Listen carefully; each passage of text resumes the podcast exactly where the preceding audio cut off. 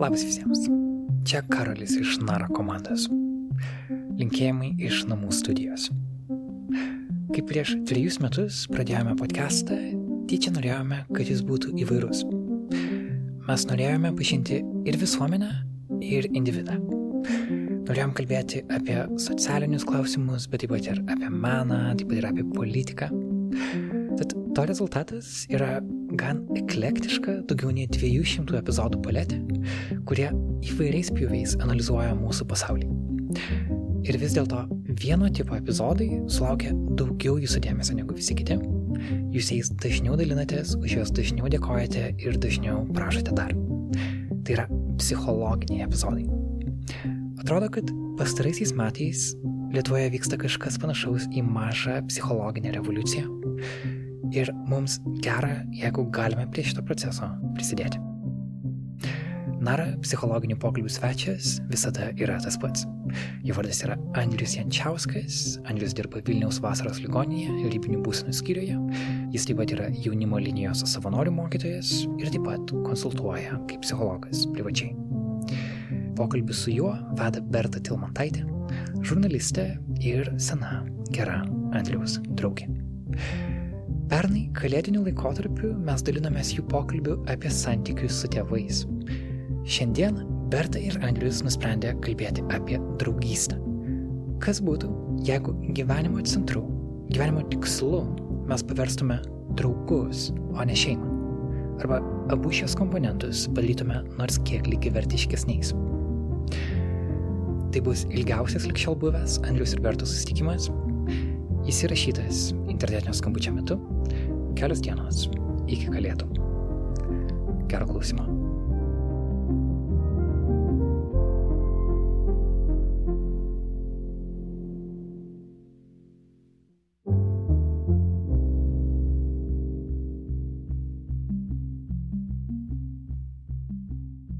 Labas, draugė. Labas, draugė. Kaip gyvuoji?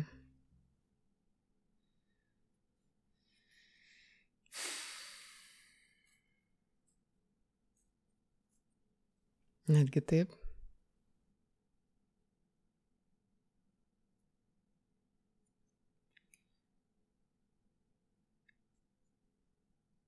Stabiliai, aprimus audrai, su nelaimingumo pasiekmėm, bet su džiugesiu, kad nebuvo blogų pasiekmių labai ir viltingai žvelgdamas į ateitį, kad viskas bus gerai. Tiesiog sunkus klausimas, žinai. Ir e, kai draugas užduoda draugui tokį klausimą, e, vad kiek skaičiau, negalima atsakyti apie orą arba paviršutiniškai. tai nuo šiol draugausiu pagal instrukcijas. Tai pagal instrukcijas dabar turiu sakyti, o kaip tu laikaisi draugė? Nes draugas netempia į vieną pusę, žinai, tik tais paklodės. nu, kartais tempia. Kartais galima leisti. Aš ačiū, neblogai. Yra daug jausmų. Mm, būsenos kinta, bet um, esminis dalykas, ką šiemet supratau, ir yra tas, kad kad ir kaip bebūčiau, kad ir kaip besijauščiau, tai, kad turiu draugus ir turiu tvarius ryšius su draugais, um, viską padaro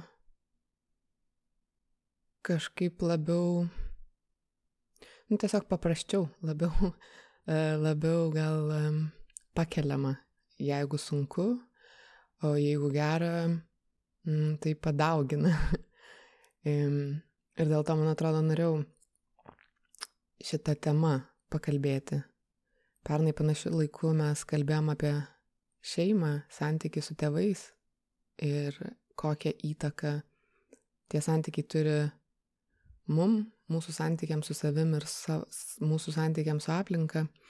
Ir dabar atrodo taip simboliška, kad e, tarsi tęsiam tą temą šituo pačiu laikotarpiu. Mm, ir mano galva irgi toliau kalbam apie šeimą, tik apie platesnę tą šeimą savoką.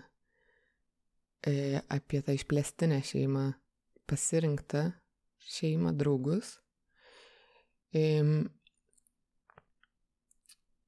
ar tu sutinki su tuo, kad tai yra irgi šeimos dalis, ar draugystę kažkaip kitaip matai, kas tau yra draugas, ar lengvai suteiki draugo statusą ir titulą, ir ar švaistaisi tuo žodžiu, ar, ar visgi rezervuotai jį naudoji. Nu tai, žinai, taip, visi, kas Facebook'e drauguose, tai yra draugai. Aš priemu tą naują draugas žodžio konceptą, kad draugas jau kai priema Facebook'e draugauti, arba kai Instagram'e viens kitą sekame, arba tik tokia žiūrim viens kito video. Tai, nu, draugų galima turėti nedaugiau 3000.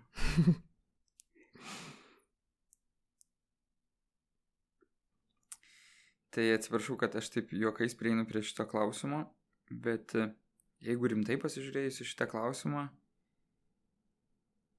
tai yra labai ribotas skaičius e, kiek mes turime galimybę išlaikyti artimų, rimtų santykių, rimtų ryšių, tokių tvirtų, kurie būtų ir nemažai perėję,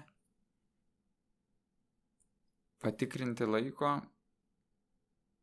ir kurią mes turėtume pakankamai tiek energijos, tiek laiko. Ir tada jau klausėme pa žmogų, kaip yra su tais jo ryšiais, kiek jo tvirtas ryšys ten su mama, tėčiu, kiek jis turi sesų, brolių ar kažkokių tai gilių giminių, kur iš vaikystės ten nešasi, ten, nežinau, pusbrolių, pusėserė, dėdė, teta, kiek jisai turi gilų ir artimą ryšį ten su savo partneriu partnerė, ar kiek gilus tas ryšys su ten draugų drauge. Ir, atsiprašau, ne draugų drauge, turiu omeny sunumi dukra. Ir gali būti, kad nu, mes kalbame, kad žmogui yra, vat jis jaučia poreikį turėti kokius 3-5 artimus ryšius ir visą tą erdvę užima jo santykis, tarkime, ten žmona, mama ir ten nu, krikšto mama ir po truputėlį jau auga ryšys su ten sunumi, kuriam yra 10 metų. Ir viskas, tai yra žmogus, kuriam net nelabai reikalinga ta draugo institucija, kur būtų artimas ir tvirtas ryšys, nes jau jo tam tikras poreikis yra užsipildęs.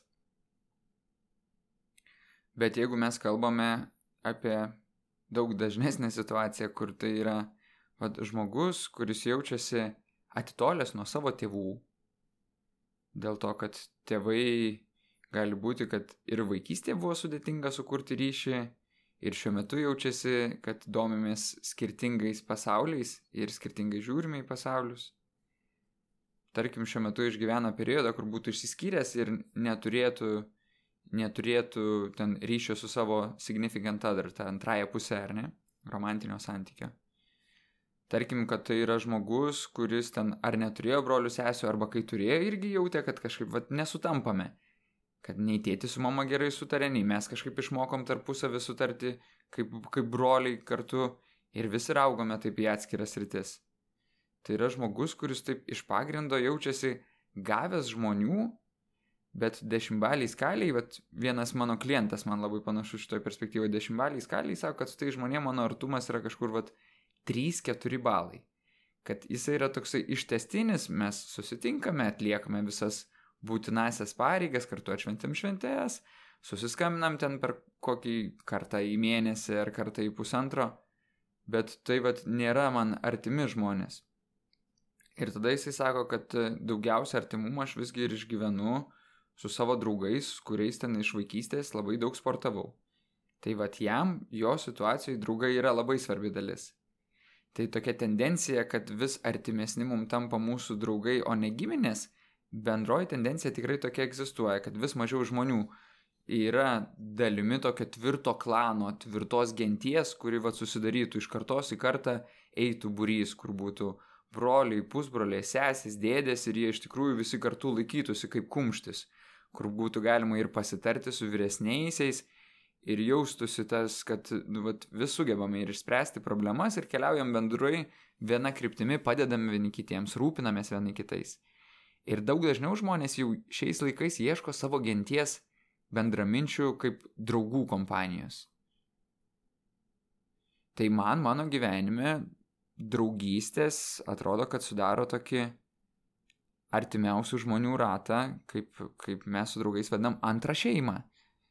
Ar tai, žinai, yra dalykas, kuris kompensuoja pirmąją šeimą ir perima, perima jo svarbą, tai sakyčiau tikrai ne. Pirmoji svarba, šeima vis tiek, vat, man asmeniškai yra svarbiausia, kuri vis tiek susideda iš mano ten tėčio, sesės, mano žmonos, mano sunaus. Bet jeigu kalbėtume apie tai, kad, nu, vat, yra skirtingų teorijų, ar ne? Yra tas nuostabus antropologas, kuris yra kalbėjęs apie visą skaičių magiją. Apie tai, kad e, Dunbaras, man atrodo, jisai vadinasi, apie tai, kad, e, nu, tarkim, patys artimiausi gali būti vidutiniškai penki žmonės. Tai skirtingai čia yra, galėtume kalbėti apie rėžius, nuo 3 iki 8 žmonių, va tokios artimiausios draugystės. Ir plus, aišku, tos su vaikais draugystės, kaip mano atveju, sūnui metai laiko, tai dar nėra lygiai vertė draugystė, dar toli toli, kol mes sukursime tokį lygiai vertiškesnį santykį tokie tada artimiausi žmonės jau iš penkių galėtų būti į penkiolika paaukti.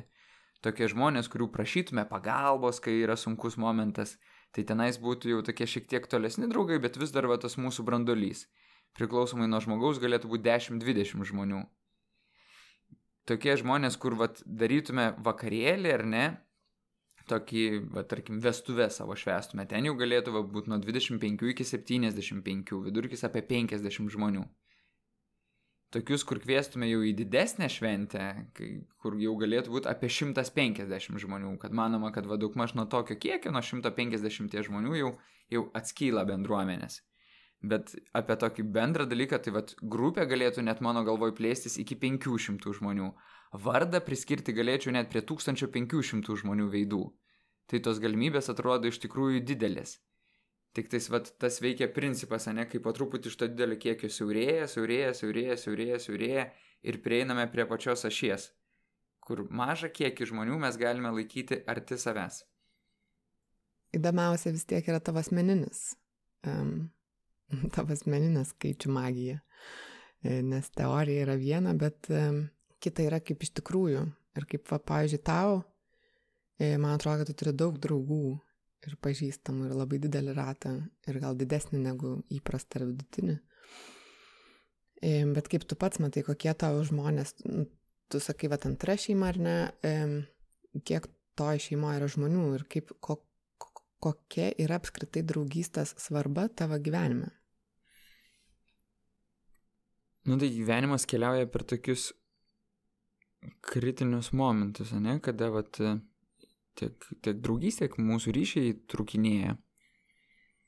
Tai tarkim, vat, mano artume vis tiek su, su ten tėvais arba sesė kritinis momentas buvo, kai aš išsikraustau iš Kauno į Vilnių, ar ne? Ir tada, vat, Vilniuje jau jų nėra, nėra nei fiziškai arti manęs, nei emociškai jie nebėra tiek, kiek, tiek daug arti ir tiek intensyviai mes galime būti kartu. Tai va ten atsiranda vietos draugystėm tada galvoju, va, išsiskiriu su savo pirmąją merginą, kur, kur, kur atrodo irgi vienas iš lūžio taškų yra tai, kai, kai žmogus susiranda savo pirmąjį romantinį partnerį, nutolsta nuo draugų, ypatingai per įsimylėjimo periodą. Kai išsiskiria, vėl priartėja ir šiek tiek kitaip įvertina, kad o geras gali būti, kad santykiai su romantiniais partneriais jie jie keisis, kad, kad bus vienas žmogus, su kuriuo pasibandysiu, gali nepavykti, antras žmogus, su kuriuo pasibandysiu, užtruks gal kol atrasiu tą, su kuriuo ilgesnį kelią eisiu. Bet va visą tą laiką draugai gali keliauti kartu ir, ir būti kaip palaikymo komanda, kaip dalinimosi gyvenimo tiek sunkumais, tiek džiaugsmais komanda. Tai man kalbant asmeniškai, tai draugai keliavo kartu su manim tik tai tiek į kitą miestą, dauguma draugų yra žmonės, kuriuos aš pažįstu nuo savo 13-14 metų. Ten kalbant apie artimiausius žmonės, tai aš vat, visus juos jau žinau savo gyvenime po 20 metų. Tarkim, su tavimi mes e, susidraugavome, kai, kai mums buvo 19, ar ne? Mhm. Ir galėtume sakyti, kad nu, mūsų draugystė irgi jau ne jauna 15 metų. 18 gal buvo 19. Tai va, tai atrodo, kad e, mano gyvenime visi artimiausi mano draugai yra labai ilgalaikės draugystės. Draugystės, kurias aš išsinešiau iš kiemo, iš bendrų pasilinksminimų, draugystės, kurios pagal statistiškai žiūrint turėjo nutrūkti, bet panašu, kad buvo kažkokia būrenti stipri jėga, kuri mus apjungė. Panašios vertybės, simpatija stipri vieni kitiems, nes visą laiką jautėsi, kad e, viens kitą matome geriau, kažkaip sugebam šiek tiek išaukštinti, idealizuoti. Panašus socialinis kontekstas, kuriame gyvename, nes visi atėjome iš tokios žemesnios vidutinės klasės, kuri nelabai daug turėjo, visi pergyvenom savo vargus, kai sudėtingaisiais tiek ten valstybės, tiek ekonomikos laikotarpiais Tai vienoje šeimoje būdavo geriau, tai kitoje ir vis buvo toks dalinimasis, kad jeigu aš turiu dalinuosi su kitais, jeigu kitas turi dalinasi su kitais. Bet visi žmonės vat, iš panašios istorijos, visi patyrė ir nepriteklių, visi besistengiantis kurti savo gerovę ir tokia laikantis atsakomybę savo rankose. Tai rezultate, man atrodo, labiausiai vis tiek mūsų apjungia panašumas, bet tuo pačiu ir labai svarbi, kaip ir visose draugystėse, yra aplinkybių gale kad mes tam tikrų laikotarpių lokaliai buvome vienoje vietoje, panašiausi žmonės iš ten esančios grupės ir taip suartėjome. Mm. O kiek, tu manai, mes draugystėse tęsiam tai, ką išmokstam šeimose su savo tėvais, santykius ir santykių modelius ir bendravimo struktūras, o kiek kuriam naujus dalykus, pavyzdžiui, tai, ko mums trūksta, arba priešingai elgiamės, bandydami kažką kitaip daryti, negu buvo daroma mūsų šeimose. Mhm. Jo, tai man patinka, vat, mano mokyta Alekseičiko, ta, tas rusiškos lingvistikos žaidimas apie tai, kad draugas, draug, drugoj, kitas, kitoks. Tai tarsi su šeima nuo pat mažens vis tiek yra labai daug tapatinimuose ir ir priklausomai nuo to, kiek esame sąmoningi ir kiek iš tikrųjų pati sąmoninga šeima, bet daugiau šansų, kad sąmoningumo lygis nėra labai aukštas, tai yra daug tokio sulipimo, kur nėra aiškios ribos, nei ten, nu, kaip mano atveju, nei iki galo jos aiškios, nei su mama, nei su tėčiu, nei su sesė, visi toksai bendras didžiulis kamolys. Ir kai jau atkeliauja draugas, po truputį su draugu ryškėja, kas yra įprasti tam tikri mano bendravimo modeliai ir draugas tas kitas iš šalies, iš kitos sistemos, iš kitos kultūros ir tvarkos, jis jau man gali pasakyti, kad ne, žinai, taip pat aš nenoriu, taip man nepatinka, prašau daryk kitaip. Tai pirma tokia rimtesnė, gilesnė intervencija į, į formavimą manęs. Ir iš principo jinai nutinka labai tinkamu metu, nes dažniausiai tai paauglystėje mes norime atitolti nuo savo šeimos ir suartėti su savo bendramžiais. Pradedame šiek tiek taip iš tokio pervertinimo tėvų ir idealizavimo keliamės į nuvertinimą, atrodo, vat, kokie jie kvaili ir, ir aš esu pats protingiausias ir aišku, ten po 10-15 metų pradedam suprasti, kad visgi jie labai protingi buvo, tik tais, tik mums buvo sunku toje vietoje prie jų protingumo prisijungti, nes jame trūko bendrumo tame protingume, o mum ir buvo svarbi dalis ta individualizacija. Ir individualizacija vyko jau daug labiau per tapatinimąsi su draugais ir per ieškojimą, vat, ką galiu turėti su jais bendro. Ir per tokį pajūtimą, kad vat, tame žmoguje man kažkas tai patinka, kažkas yra labai gero ir aš net nepastebimai pradedu kopijuoti tam tikrą jo elgseną. Ir pradedu nešiotis, vat, iš jo elgseną atsinešu namo, išbandau namuose, kaip tai veikia Ir jeigu namuose man sako, stop, netinka, ir jeigu aš turiu pakankamai gerą santykį, aš pradedu tas dvi sistemas apjunginėti. tą išorinį pasaulį, kuriame didžiausią įtaką daro draugai, su tuo vat vidiniu pasauliu, kur didžiausią įtaką daro tėvai ir, ir, ir mano broliai sesės.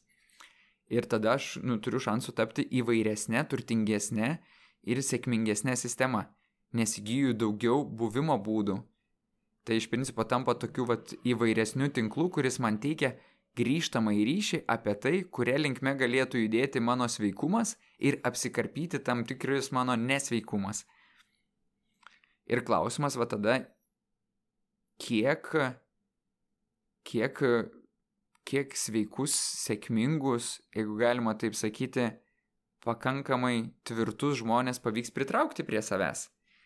Nes lygiai taip pat gali nutikti, kad e, tai bus toksai kaip krabų kibiras, kur aplinkui pritraukia į krabų, kurie blogai jaučiasi, kuriem yra sunku, kurie iš to sudėtingo gyvenimo paauglystėje anksti pradeda ieškoti tokių aktyvių nuskausminamųjų kaip alkoholis, cigaretės, narkotikai, ankstyvi lytiniai santykiai, ankstyvi romantiniai santykiai.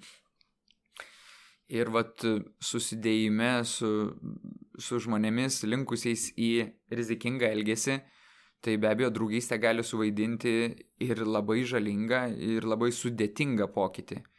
Dėl to vat vienas, net ne vienas, o keli mano pažįstami žmonės pamatė, kad jų vaikai paauglystė keliauja šitų kelių, ėmėsi labai griežto pokyčio, tai yra išimti iš draugų kompanijos ir išvežti mokintis į Angliją, tarkim, ten berniukų koledžą arba apskritai į tam tikrą koledžą, kur staiga absoliučiai pasikeistų žmogaus aplinka į, galima netgi sakyti, šiek tiek va tokią sėkmingesnę ir kultūriškai sudėtingesnę. Tai kartais man atrodo, kad tėvų pareiga yra šitoj vietoj imtis atsakomybės ir susižiūrėti, kad kas yra tie draugai, nes, nu, va, tas liaudės pasakymas, ne pasakyk, kas tavo draugai, pasakysiu, kas tu, jisai labai teisingas tik tais jisai klaidus, jeigu pamirštam pasakyti, pala, pasakyk, kas tavo tėvai, pasakysiu, kas tu. A, bet čia dar tokia paauglystės gal stadija formavimas, e, e, tokio stipresnio, intensyvesnio laikotarpis. Mm, bet paskui, kai mes iškeliaujam iš tų savo šeimų ir tėvai jau nelabai ką gali padaryti, mm, tada mes jau galim atsirasti vėl e, savo pasirinktose tose draugų kompanijose. Ir kartais galim rinktis tokius draugus, kurie atkartoja turbūt šeimos modelius ir, pavyzdžiui, jeigu ten buvo kažkoks nelabai geras toksiškas santykis su tėvais ar kažkokie smurtiniai santykiai, gali ir tokius draugus turbūt pasirinkti, kad testum tą savo žinomą modelį.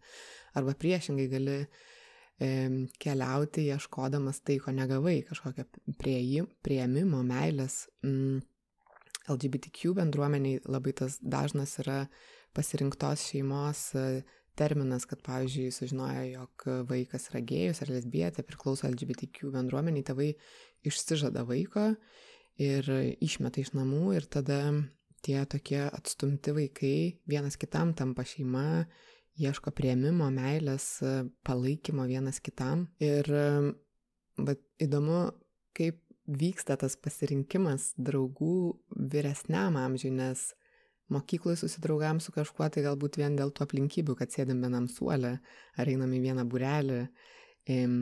Vėliau galim universitete susiras draugų ar darbe dėl va, tų aplinkybių tiesiog, kurios nulėmė mūsų susitikimą. E, bet kartais galim susidraugauti su visiškai atsitiktinais kažkokiais e, draugų pažįstamais ar su kažkuo, su kuo susitikai, nežinau, bare, autobuse, e, dar kažkur. Mm, ir kas vat yra tie dalykai, kurie patraukia mus viens prie kito.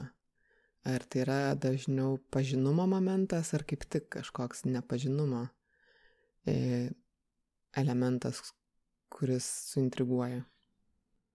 Mhm, tai be abejo, kaip visada atsakymas yra ir tas, ir tas, bet kas dažniau, tai tyrimai sako, kad dažniau vis tiek patraukia pažinumas ir bendrumas. Ir tada mes kalbėtume apie tokias tris tendencijas. Tai viena tendencija gali būti, kad kartosiu tą patį santykį, kaip ir tu sakėjai, ir man bus įprasta. Kad tarkim, jeigu aš gyvenau sistemoje, kur buvo vienas stipriai išreikštas lyderis, aplink kurio emocijas mes visi gyvename, tai daug šansų, kad aš irgi susirasiu tokią grupelę, kurioje, tarkim, būsiu sekėjas, kur irgi bus vienas stipriai išreikštas lyderis, aplink kurio emocijas mes irgi visi šokinėsim, bet to pačiu jo emocijos atneš ir kažkokias iniciatyvas, norus ir iš to va, visi kartu būsime gyvesni, nes mano norai ir iniciatyvos gali būti užslapintos. Iš kitos pusės tai gali būti kaip tik e, tarsi savipagalbos grupė susitikusi, kur vat, apsijungia žmonės, kurie, vat, kaip ir tu sakei, tarsi žmonės, kurie visi yra apleisti vaikai, kurie palikti ir atsiskyrę nuo savo šeimų ir šeimose blogai besijaučiantis ir taip stipriai trokštantis sukurti atskirą naują šeimą ir vat susijungia bendri interesai, tokia kaip savipagalbos grupė, nes mes turim pakankamai laiko ir energijos, kurią norim kartu investuoti. Ir tada mūsų lūkesčiai atitinka tą mūsų galimybę duoti.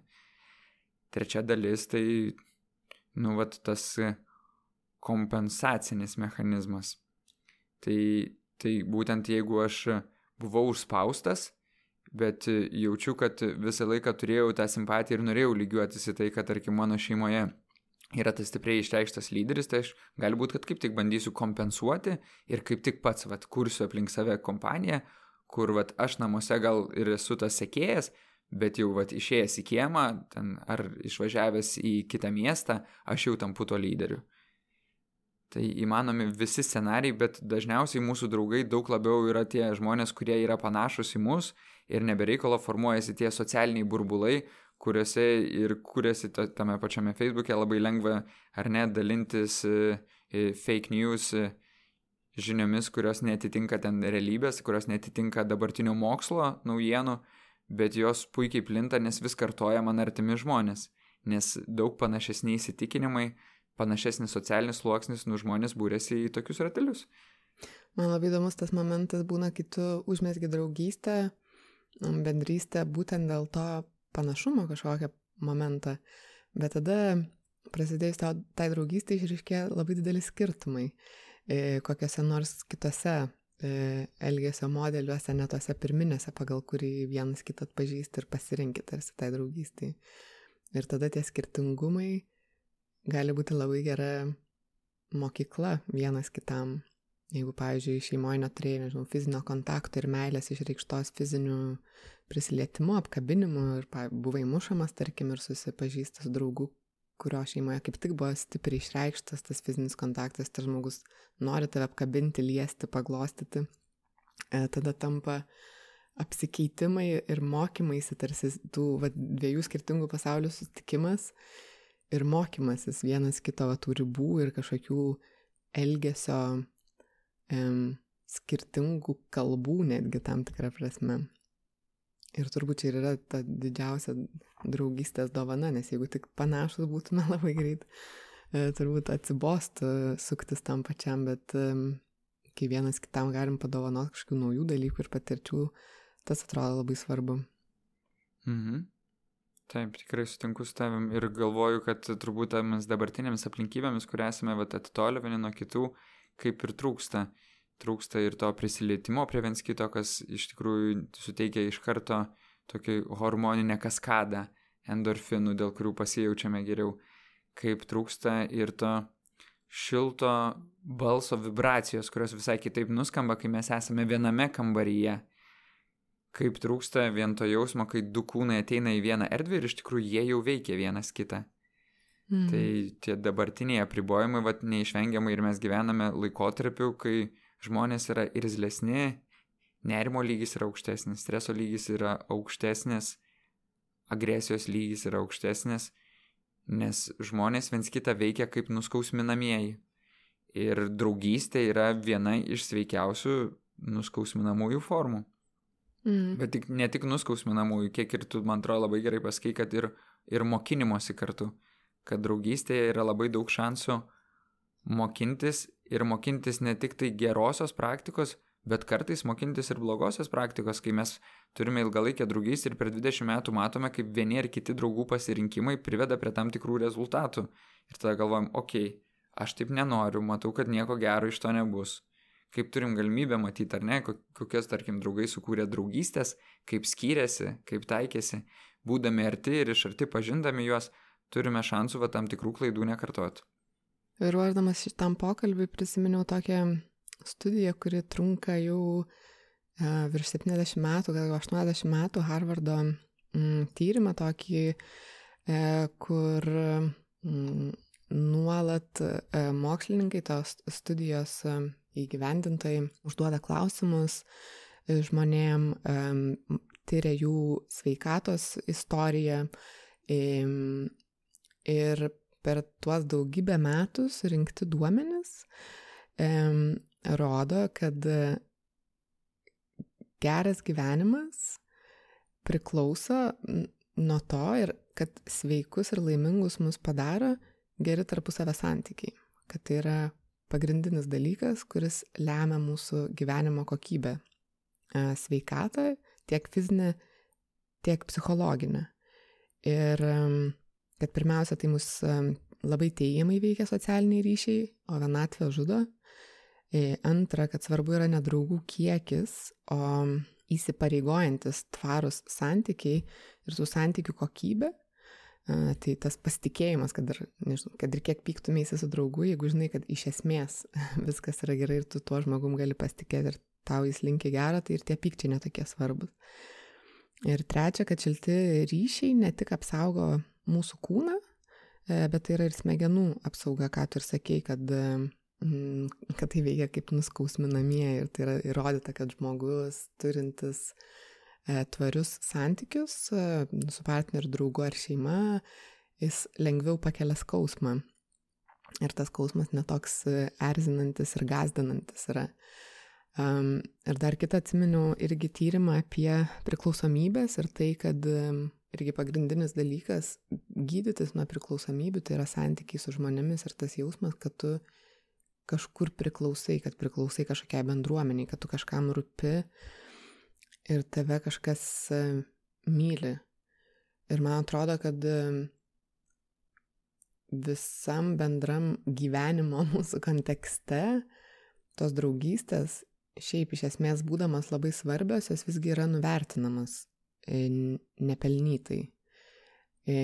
Nes pirmenybė vis tiek yra atiduodama šeimai, tai tėvų, sesų, brolių, senelių, šeimai, giminiai, o vėliau romantiniam partneriui, santokai ir tai naujai sukurtai šeimai. E, o draugystė tai lieka foniniam kažkur plane ir joje gali būti, man atrodo, daug nerimo, e, neužtikrintumo, e, nes nieks niekada niekaip niekuo neįsipareigoja turbūt nebereikal atsirado tie tokie pakabukai, nežinau, ar tavo paauglystai buvo draugai, vieni kitiems dovanodavo best friends forever, ten su širdelėm, kaip irgi tam tikrą įsipareigojimą, pasižadėjimą būti kartu, bet šiaip mes vienas į kitą neturim mm, jokių teisių. Į, tarkim, jeigu tu neturi gerų santykių su šeima ir esi visiškai nutolęs nuo savo tėvų, brolių, sesų, ir neturi romantinio partnerio, nesi sukūrę santokas, bet tarkim atsiduri ligoniniai, tai manęs pas tave neįleistų, nes mūsų niekas nesieja šiaip, mes neturim e, jokių dokumentų kažkaip įrodančių mūsų ryšį, nors galim būti tokie artimi kaip brolis ir sesė. Ką, ką tu apie tai manai? Ar, ar kažkaip matai ir jauti draugystės nuvertinimą, ar galvoji, kad, kad taip ir turi būti? Man atrodo, kad draugystės nebėra nuvertinamos, nes to patys tyrimo išvados, ne apie kurį tu kalbėjos, jau yra turbūt daugiau nei dešimt metų paskelbtas. Ir tokia socializacijos svarba, jinai kaip viena pagrindinių žinučių transliuojamų psichologijos jau ilgą laiką skamba ir skamba garsiai. Ir tas pats kalbėjimas apie ten fizinę gerovę, kad, kad kuo tvirtesnis mūsų tas socialinis ratas, kuo stipresnis mūsų socialinis tinklas, ten tuo stipresnė imuninė sistema, ilgesnis gyvenimas, ten va, mažesnė priklausomybių rizika, ten didesnis atsparumas stresoriams, kad ilgalaikėse draugystėse išsiskiria oksitocinas, kas yra hormonas mažinantis nerimą ir, aktyvuojanti simpatinę nervų sistemą, kad e, lygiai taip pat e, nu, išgyvendami mažesnį stresą mes turime ir tą žemesnį sistolinį kraujo spaudimą, tai ir širdies kraujagyslėms, širdies ir kraujagyslių lygoms yra daug geresnė perspektyva. Tai tarsi vat, mokslas jau gan senai yra šitą paaiškinęs, o kalbant apie tą hierarchizaciją mūsų socialinio tinklo, ir kas turėtų jame užimti svarbiausias vietas, man atrodo, kad iš dalies tai yra labai individualus klausimas, nes visi ateiname iš skirtingų aplinkybių ir skirtingai mums gyvenime pasiseka skirtingose sritise. Dėl to vieniems žmonėms gali būti tame socialinėme tinkle reikšmingiausi jų tėvai, kitiems reikšmingiausi jų sesės broliai, tretiem reikšmingiausi jų partneriai, ketvirtiem reikšmingiausi jų vaikai, penktiem gali būti reikšmingiausi jų draugai. Tai atrodo, kad nu, opcijų, kaip susikurti savo tinklą ir kas bus patys artimiausi žmonės, jų yra skirtingų. Ar kalbant apie psichologinius tyrimus, šitoje vietoje draugų būtent e, santykis yra paskutinėje vietoje, tai ten, tarkim, jeigu žiūrėtume 2005, 2006, 2007 metus ir žiūrėtume į tyrimus, tai be abejo tenais kalbant apie santykius, daugiausia tyrimų būtų buvę atlikta apie tyrimus su romantiniu partneriu. Ir kad tai buvo labai stipriai, tarkim, plėtojamas rytis, bet vat, nuo to momento buvo pradėta daugiau daug tyrinėti ir jau ir draugystės fenomeną. Tai per pastaruosius 15 metų jisai irgi yra neblogai ištyrinėtas. Na, iš kitos pusės galvotume, kad net ir su romantiniu partneriu mes norime sukurti ne tik tais tą romantinį ryšį, bet irgi lygiai taip pat draugystę. Jeigu su tėvais pavyko nesusipykti ir pakankamai išlaikyti E, neperpildytą neapykantą santyki, irgi būdami kaip suaugę žmonės mes turime šansų suformuoti draugystę.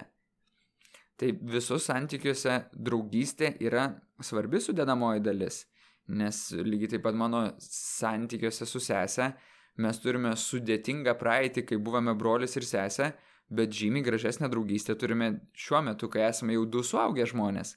Tai atrodo, kad mums pavyko suformuoti tą draugystę Ir man atrodo, kad nu, tai buvo tokia labai konkreti pastanga, kurią mes pasiekime. Tai man atrodo, kad šiais laikais draugystės nebėra nuvertinamos, bet imant pagal hierarchiją, statistiškai vis tiek daugiau šansų, kad e, reikšmingesnis žmogus mano gyvenime bus mano romantinis partneris, reikšmingesnis žmogus mano gyvenime bus ten mano vaikas, tada reikšmingesnis žmogus bus mano ten tėtis ar, ar, ar mama ar sesė ir tik tada jau keliaus ten tam tikri draugai. Vat. Taip yra dažniau žmonių gyvenime, nes be draugystės ryšio čia nais yra dar ir kraujo tam tikras ryšys ir tai tuo pačiu yra ir daug ilgesnis ryšys, nes dažnai su savo tenais giminėm mes turime ir laiko prasme, kiek kartu praleidome ir pažinimo prasme, nuo kada susitikome, daug ilgesnį ryšį. Mm, bet kartais sutikę žmogų po metų galim jausti jam artimesnį ryšį negu savo šeimos nariam, kai kuriem dėl kažkokių esminių sutapimų uh, vidinių. Ir tai, kad, uh, žinai, jeigu ben, bendraujant šiaip iš esmės vis tiek uh, ta draugystė, jinai niekuo, jinai neturi jokio pagrindo, žinai, visuomeniai tarsi, ir kartais net kelia klausimus, tai jūs čia draugai ar daugiau negu draugai, kodėl jūs tiek daug laiko praleidžiat kartu, kad tarsi ta draugystė yra toks kažkoks... Man, va, šiaip įdomiai galvoju ir apie šitą, kad ir vaikystėje būdavo, kad jeigu su kažkuo bendrauji, ypač jeigu va, mergaitė su berniuku, ir tada klausimas, jūs draugai ar jau daugiau negu draugai, kad tas romantinis partneris yra daugiau negu draugai, nors iš esmės Jeigu aš sutinku savo romantinį partnerį dabar, nu, tai jam labai toli iki to, kad jis būtų daugiau negu mano draugai, kuriuos aš pažįstu 15-20 metų. Ir visgi iki šiol aš jausdavausi labai vieniša, pavyzdžiui, dėl to, kad aš neturiu sesų ir brolių. Ir kažkaip neskyriau labai didelės reikšmės draugystėm, labai lengvai jas nutraukdavau, paleisdavau, jeigu kažkas netikdavo. Ir, ir jos nu, nutrūkdavo arba tęsdavosi kažkokiu tokiu paviršutiniu, im, paviršutinišką formą arba trukinėdavo, vėl susimėgsdavo, nes visą laiką atrodydavo, kad jo yra šeima ir, nu, ir yra e, partneris. Ir kad man to partnerio ir užtenka. ir, bet tada atsiranda didžiulis pavojus, kad sudėjus viską į vieną partnerį ir draugystę, ir romantinį santyki, ir atitolus nuo savo draugų ir šeimos, tai visų pirma labai didžiulis krūvis tam partneriui yra atitikti visus lūkesčius ir įsipareigojimus. Ir antra, jeigu kažkas nutinka tam partneriui, aš jį prarandu, mes įsiskiriam, nežinau, žūsta, įmiršta, aš nebeturiu nieko. Ir tada tas labai didžiulis pavojus vėlgi vienatvei ir didžiuliam praradimui, su kuriuo susitvarkyti galėtų padėti draugai ar šeima, bet jeigu tu nuo jų esi nutolęs, neturi netgi to. Ir kai kalbam apie vyresnio amžiaus žmonės, man atrodo, kad va, būtent tai, kad labai daug dėmesio ir laiko mes atiduodam savo romantiniam partneriam draugystės palikdami antram plane, paskui yra labai didelė tikimybė ir pavojus tai vienatviai, nuo kurios kenčia žmonės. Keli aspektai kažkaip, kuriais noriu sureaguoti į tai, ką tu pasakėjai. Tai vienas, kuriuo e, labai su tavimi sutinku ir ypač galvodamas šitoj vietoj iš tokios, iš Ester Perel perspektyvos, kaip jinai sako, kad anksčiau tai, ko mes tikėdavomės iš viso kaimo, dabar krauname lūkesčius ant vieno žmogaus, ne, kad norime iš savo to romantinio partnerio, kad jis būtų ir meilužis, ir geriausias draugas, ir tėtis, ir mama, ir namų rašos pagalbininkas, ir žaidimų partneris. Ir kad jeigu paskirstome tos lūkesčius plačiau, jeigu paskirstome ten tą patį savo emocinį palaikymo ratą gerokai plačiau, kad nesitikime visko iš to savo partnerio, kad jisai bus mūsų palaikytojas visokiais sunkiausiais momentais, kad jisai bus mūsų giliausių intelektualinių ar dvasinių paieškų partneris, jeigu nesitikime, kad galėsime ten su juo aptarinėti visus tam tikrus specifinius dalykus, kuriuos, tarkim, galim išgyventi tik tai savo profesijoje ir kuriuos gali suprasti tik tai mūsų profesijų partneriai, tada išdalinę tas atsakomybės plačiau, mes realiai neužspaudžiame taip savo partnerio ir ta draugystė yra vat, šiek tiek laisvesnė. Ir iš kitos pusės, aišku, labai geras klausimas, man atrodo, čia yra vienas iš sudėtingų konfliktų, kad draugai prieš mano antrąją pusę. Nes iš tikrųjų gali būti, kad, tarkim, aš irgi esu su savo žmona e, kartu 3,5 metų, su draugais 20 metų. Ir dauguma mano draugų, e, nežinau, vat, jaunesni mano draugai yra, tarkim, 15 metų kartu, patys jauniausi keli žmonės 8 metai kartu. Tai visi, tai, tai iš principo, mano žmona prisijungia į ratą, kur jinai yra vat, jauniausias atvykęs žmogus pagal tą santykio gilį ir santykio ilgumą. Iš kitos pusės, ar ne? Kad e, kai mes e, kartu nebūname, tarkim, tris mėnesius, ar ne? Va, tarkim, mes kartu su tavim nesišnekame tris mėnesius, mes sustinkame ir įvyksta toksai artumas sprogimas, ne? Nes per tos tris mėnesius yra daug susikaupę dalykų ir mes patiriam tokį didžiulį kontrastą tarp to, kad ką tik vad buvome atitolę ir stika, vuh, stipriai suartėjame. Bet per tą laiką visus tos tris mėnesius su savo žmona aš gal neturėjau tokių sprogimų, kuriuose taip jaustųsi kontrastas, ne? Bet kiekvieną dieną bendraudamas aš su ja dalinausi tuo bendrumu. Ir gali būti, kad tas intensyvumas ir nebūna ant 10, tarkim, jisai, žinai, laviruoja vieną dieną jisai 6, kitą dieną 7, 8, 9 ir va jisai laviruoja taip ant to 7, to 8. Bet sumoji sudėjus kiek daug dienų ir mes praleidome kartu, vis tiek tas ryšys, kuriame ilgalaikio ryšio buvimu kartu formuojasi didelis kiekis oksitocino, tai šitoj vietoje jau neišvengiamai mes esame taip daug stipresni chemikalai vienas kitam. Aišku, galvojant apie tą kontrasto efektą, tai čia galėtume, žinai, kaip sulyginti Vat šią savaitę labai gerai viena pacientė grupėje dirbdama sakė, žinai, sako, aš su tėčiu suformavau savo ryšį tik tais 37-38 metais, e, jai dabar yra 40, visą laiką sesė jam, jam buvo artimesnė. Ir sako, aš jaučiu, kad sesė labai gražiai buvo sužaidusi, patraukusi tėtį į savo pusę, dėl to, kad jinai turi tokio magnetizmo patrauklumo, dėl to, kad kai su jie susitinki, jinai labai gerai moka užimti teritoriją ir taip įtraukti save į savo mąstymo kelią, į savo minčių eigą, į savo emocijas. Ir tėčiui kiekvieną kartą va tas toksai gilus artumas, kurį jinai sukelia kaip fejerverkus, taip sprogimas labai stipriai suveikdavo. Ir jis net nepastebėjo, kad sesė vis pateikė jam savo pozicijas, kurias jinai turi ir mano adresu, tokį tam tikrą nuvertinimą, nes aš esu tokia nesėkmingesnioji, žvelgiant iš tos perspektyvos, kad, kad man netai pavyko sukurti šeimą, man netai pavyko profesiškai patobulėti. Ir aš visą laiką buvau va tokia, tokia, kuri yra tarsi pasiekimais prastesnė. Bet emociškai tėčiui, tėtis to vat, ilgai nepastebėjo, aš visą laiką buvau daug atviresnė ir pasiekiamesnė. Ir tada, kai mes suartėjom, tik tada tėtis pastebėjo, kad, kad, žinai, su tavim tai aš galiu išsikalbėti, kad tu klausai manęs, kad man tai labai gera, kad, kad kasdienoje aš vat, esu artimam ryšy su tavim ir kasdienoje tu man esi labai svarbus žmogus. Ir jinai sako, tai va dabar artėja tėčio 80 metis Sesė su tėčiu jau vėl nėra šnekėjusios kažkur penkis mėnesius, mes su tėčiu nuolat šnekamės kartu ir aš žinau, kad per 80 metį vėl bus sesės ferverkai, vėl tėtis suartės su sesė ir šiek tiek nutol su manim. Bet pažinodamas, sako, šitą aš jau žinau, kad daug labiau veiks tas ilgalaikiškumo fenomenas, kad po truputėlį jisai sugrįž, nes jisai jaučia, kad mes suformavom tą ilgalaikį ryšį. Ir šitoj vietoj be abejo ir su artimais draugais, kuriais mes ten nuo 15-20 kartų tas ilgalaikis ryšys gali susiformuoti, kai mes irgi tam skiriame daug laiko. Bet sutik, kad tėvai, sesės, broliai toj vietoje jau turi tam tikrą pranašumą. Ir dar yra tam tikras specifinis pranašumas, kad vat su draugais susipykome stipriai, išsivaikščiame į šalis ir neaišku, ar gyvenimas mūsų ves.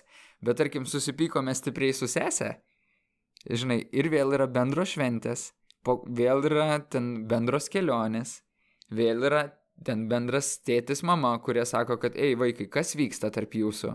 Ir vat nori, nenori, su tais žmonėmis, kaip ten sesė tėtis, tenka per daug aštresnius dalykus perlipti. Ir šitoj vietoj pavykus perlipti per labai aštrius dalykus su jais, man atrodo, tada daug lengviau perlipti ir su tais pačiais draugais. Tai vad apie tą tokią būtinybę taikytis, išmokti nuolankumo, išmokti susitaikyti, atleisti, pamiršti net ir žiauriausias kriaudas, kur ten išsitaškėme, pykčio apimti ir priešnekėjom impulsyviai labai negražių dalykų vienas kitam ir vėl sugrįžti į pakankamai saugų tvarų santyki, kur žinoti, kad daug svarbiau ne tas įvykęs sprogimas, o tas ilgalaikė perspektyva. Nu, vat, lengviau tuose ilgalaikiškesniuose santykiuose, kuriuose dažniau būna tenais giminės. Nors su savo geriausiais draugais, aš tikrai irgi visais esu stipriai susipykęs ir mes ir su tavim esame apie tai išnekėję net mūsų bendram podcast'e, ar ne? Ir va čia tas momentas ir yra, kad, tarkim, seniau ir dėl ko aš kažkaip irgi galvoju apie tą šeimos ir partnerio e, romantinio e, santykių su draugais, nes, nu, tu su šeima, jo dažniausiai vis tiek privalai susitikti, nors būna ir nutrūksta šeimų santykiai, nes nesugeba žmonės bendrauti ir šnekėti. Su romantiniu partneriu irgi, jeigu jau ypač santaka ar ten pasižadėjimas viens kitam kažkoks, tai turi tarsi spręsti su draugais, jo, gali išsivaikščioti ir galbūt nesusitikti, ypač jeigu abu labai principingi ir užsispyrę. Bet jeigu pradedi draugystę žiūrėti kaip man, bet neseniai vyko pokytis, kad nedėjusi pastangų į draugystės, o daugiausiai dėmesio skirdama ten romantiniam partneriui arba, arba šeimai, supratau, kad tie draugai yra man lygiai verčiai ir tiek pat svarbus kaip mano šeima ar mano romantiniai santykiai. Tai reiškia, kad aš šitai turiu dėti tiek pat ir net daugiau pastangų, nes mūsų nelaiko kraujo ryšys, mūsų nelaiko bendras šeimos šventės, mūsų nelaiko niekas išskyrus mūsų pastangą ir norą būti kartu. Ir jeigu seniau konfliktai kažkokie ir atrodavo, kad ai, tai gal jau mums čia ir ne, nelemta būti draugais arba susipyksti, čia mane išdavė, apgavo, e, negražiai pasielgė, palieki tą draugystę kažkaip merdėti ir numirti E, tai dabar atrodo, kad draugystė iš esmės yra darbas, į kurį tu turi įdėti labai daug pastangų, dirbti, įveikti e, tuos kažkokius mm, konfliktus, aiškiai iškomunikuoti savo poreikius, išgirsti kito žmogaus poreikius e, ir bandyti viens su kitu sutarti, kaip eis tas tavo santykis į priekį. Ir kol mano, aš to nespratau, gal mano viena draugė nepakarto, kad tu manęs į šeimą keletą kartų tu manęs į šeimą, tu manęs į šeimą ir, ir tada supratau, kad, ai, bet taigi man irgi taip pat yra. Ir tada, kai vyksta tas sprendimas, pasikeičia ir požiūris, kad nebe taip lengva keisti tuos draugus, kad, ai, čia man nepatinka tas arbanas ir aš gal einu pas tą kitą. Na ir tas momentas, kur tu sakai, kad kartais, kai susitinki ir su draugais, tas įvyksta sprogimas, kaip pasakai tos moters su, su tėvu, moteris ar su tėvu, ar ne, ir tada oh, atrodo, kad mes ypatingai geri draugai, bet staiga viskas miršta ir vėl grįžti pas tuos draugus, kurie yra daugybę metų, kur perėjai per daugybę dalykų ir jau viens nuo kito pavargai, bet vis tiek viens kito negali paleisti, nes tiki, kad tame kažkas yra, nes, nu, jūs sieja beveik tas pats, kas... Um, kažkoks šeimos ryšys ir jeigu tai įdedi ypač daug pastangų, tai, tai turtingėja, kažkaip skleidžiasi ir gražėja ir nebe, nebebūna tų klausimų, kad ai gal jau viskas, e, e, gal čia baigsis draugystė, kad gal kitą draugą susiras ir dar kažkas atsitiks. Tik vis, vis tiek gali atsitikti kažkokių konfliktų ir nesutarimų atsiradus romantiniam partneriui ar atsiradus kitiem draugam. Ir kad tas navigacija tarp tų skirtingų partnerysčių ir draugysčių atrodo yra labai sunkus ir sudėtingas darbas. Vienas iš sveikos psichikos požymių yra apskritai gebėjimas išlaikyti ilgalaikės draugystės, tas pats gebėjimas plėsti savo socialinį ratą. Mano mano viena geriausių draugių Monika labai gerai sako, kad, kad žinai, man atrodo, kad neturėtume priešinti šitų dalykų šeima ir draugai. Kad kaip, kaip neturėtume priešinti, ar ten, nežinau, tau skaniausia suvalgyti ten, nežinau, indišką karį, ar tau skaniausia suvalgyti Napoleoną. Tai, tai yra tiesiog tiek tą, tiek tą galima valgyti ir galima turėti tiek šeimą, tiek artimus draugus kaip šeimą. Tik tai svarbu suprasti, kad turim tą ribotą kiekį energijos ir kad, nu, prioritizuojantis tenkas, tenka nuspręsti, kas yra svarbiausia ir kartais, nu, ir tenka taip sudėtingai rinktis, tai, tai vis dėlto savo dėmesį paskirsiu draugams ar savo antrai pusiai. Ir jeigu buvau prieš tai pripratęs skirti daug dėmesio savo draugams, o atsirado antroji pusė, ne, kaip jinai reaguoja į tai, ar jinai sako būkime kartu, o kartais sako, žinai, kad o man jau trūksta laiko, kai tik tai mes dviese ir esame apie mus. Bet paskui atsiranda ir kitas etapas, ne, draugaujame poromis. Atsiranda kitas etapas, draugaujame šeimomis. Draugų konfliktas su ten giminėmis, tėvais, ten sesėmis, brolėmis irgi, ne, jisai gali kažkurioje vietoje sutapti, kad gali atsirasti tradicijos, kur ne tik tai šeima renkasi, kas man atrodo, kad mano tėvai turėjo labai gražų pavyzdį ir ką man atrodo daug žmonių irgi gali nuostabiai naudoti, kad sakyti savo ten vaikams, kad žiūrėk, tai tu gali kviesti savo draugus pas mūsų namus. Ir žinai, ir gali pradėti formuotis tavo draugystės tradicijos ir bendri papročiai. Kaip kad, tarkim, vat, antrą kalėdų dieną, žinai, pasikvies savo draugus ir mūsų namuose mes su tėčiu tau padėsime, mes galėsime turėti labai smagią kalėdų šventę ir jūs su draugais po truputėlį savo draugystėje irgi įgysite tradicijų, kurios galbūt net iš metai metų ir laikysis ir tada bus mažesnis darbas, nes bus tokia vat aiški sistema, kuri palaiko, ne, kad kiekvieną kartą metuose susitinkate per, per kalėdas, susitinkate kiekvieną kartą metuose kaip burys per Velykas kiekvieną kartą metuose, kai būrys susitinkate per Joninės, nes turite kompaniją Joną ir atšventėte Joninės, ir kiekvieną kartą ten metuose išvažiuojate, kas gali savaitgaliu, kas savaitį kartu, tarkim, pabūti pajūryje Nidoje. Ir žiūrėk, jau daug tokios bendros sistemos, kuri išlaiko, kuri nereikalauja tokio didelio organizavimo. Aišku, iš kitos pusės labai svarbus tas organizavimas, bet man atrodo, kad nemažai draugų mes prarandame dar ir tame laikotarpyje, kai, žinai, kai susitelkėme į, po savo studijų į tenais darbą, karjerą, finansinę gerovę ir pradame draugystės išnaudoti, kaip populiaru dabar sakyti, networkinimui, kad kurtume savo tą e, ryšių tinklą, kuris labiau orientuotas, kad būtume sėkmingi karjeroje ir labiau orientuotas į tai, kad, kad vat, mums pagaliau pasisektų pasauliu įrodyti, kokie mes esame, e, nežinau, sėkmingi, protingi ar geri Ir tada šiek tiek primirštame savo draugus. Ir, ir ne vienas klientas yra dalinęsis apie tai, kad sako, vat, e, pradėjau leisti daugiau laiko vat, su savo kolegomis, labai norėjau sukurti su, ryšius su kolegomis, pradėjau leisti daugiau laiko važinėdamas po tam tikras konferencijas ir juose irgi kūriau ryšius ir pastebėjau, kad tų ryšių pagalba pamiršau savo ilgalaikius draugus ir kad man iš tikrųjų jų trūksta. Nes sako, kurdamas tą savo paveiksliuką kaip profesionalo, aš dažnai jame neparodau būtent tos negražiosios pusės, kad jame yra tokia prezentacija, tam tikra holograma, koks aš esu šaunus, smagus ir fainas, bet tik tie mano tikrieji išgiliai esantis draugai pažįsta, kad ne visada aš toks, kad būna momentų, kai aš esu labai liūdnas, kad yra labai gėdingų momentų, kur esu taip stipriai apsigėdinęs ir tik tais jie iš tikrųjų tai žino. Kad yra dalykų, kuriuose aš nesusitvardau su savo pykčiu ir kelis kartus esu labai nedekvačiai reagavęs, o jie vat sugebėjo atlaikyti.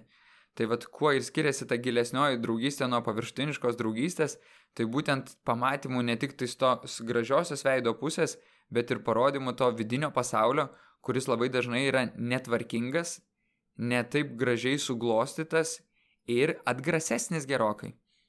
Vakar pasidalinau mūsų Patreon rėmėjų grupiai mm, Facebook'e apie tai, kad rašinėsim podcastą šitą mm, draugystės tema. Ir ten žmonės rašė keletą klausimų. Ir vienas iš klausimų neringos buvo toks, man įdomu, kiek psichoterapijos teorijoje gebėjimas puoselėti ilgamžiškas draugystės ir atspindys žmogaus vidinės būklės, ką šis gebėjimas pasako, jeigu iš vis pasako apie asmenybę.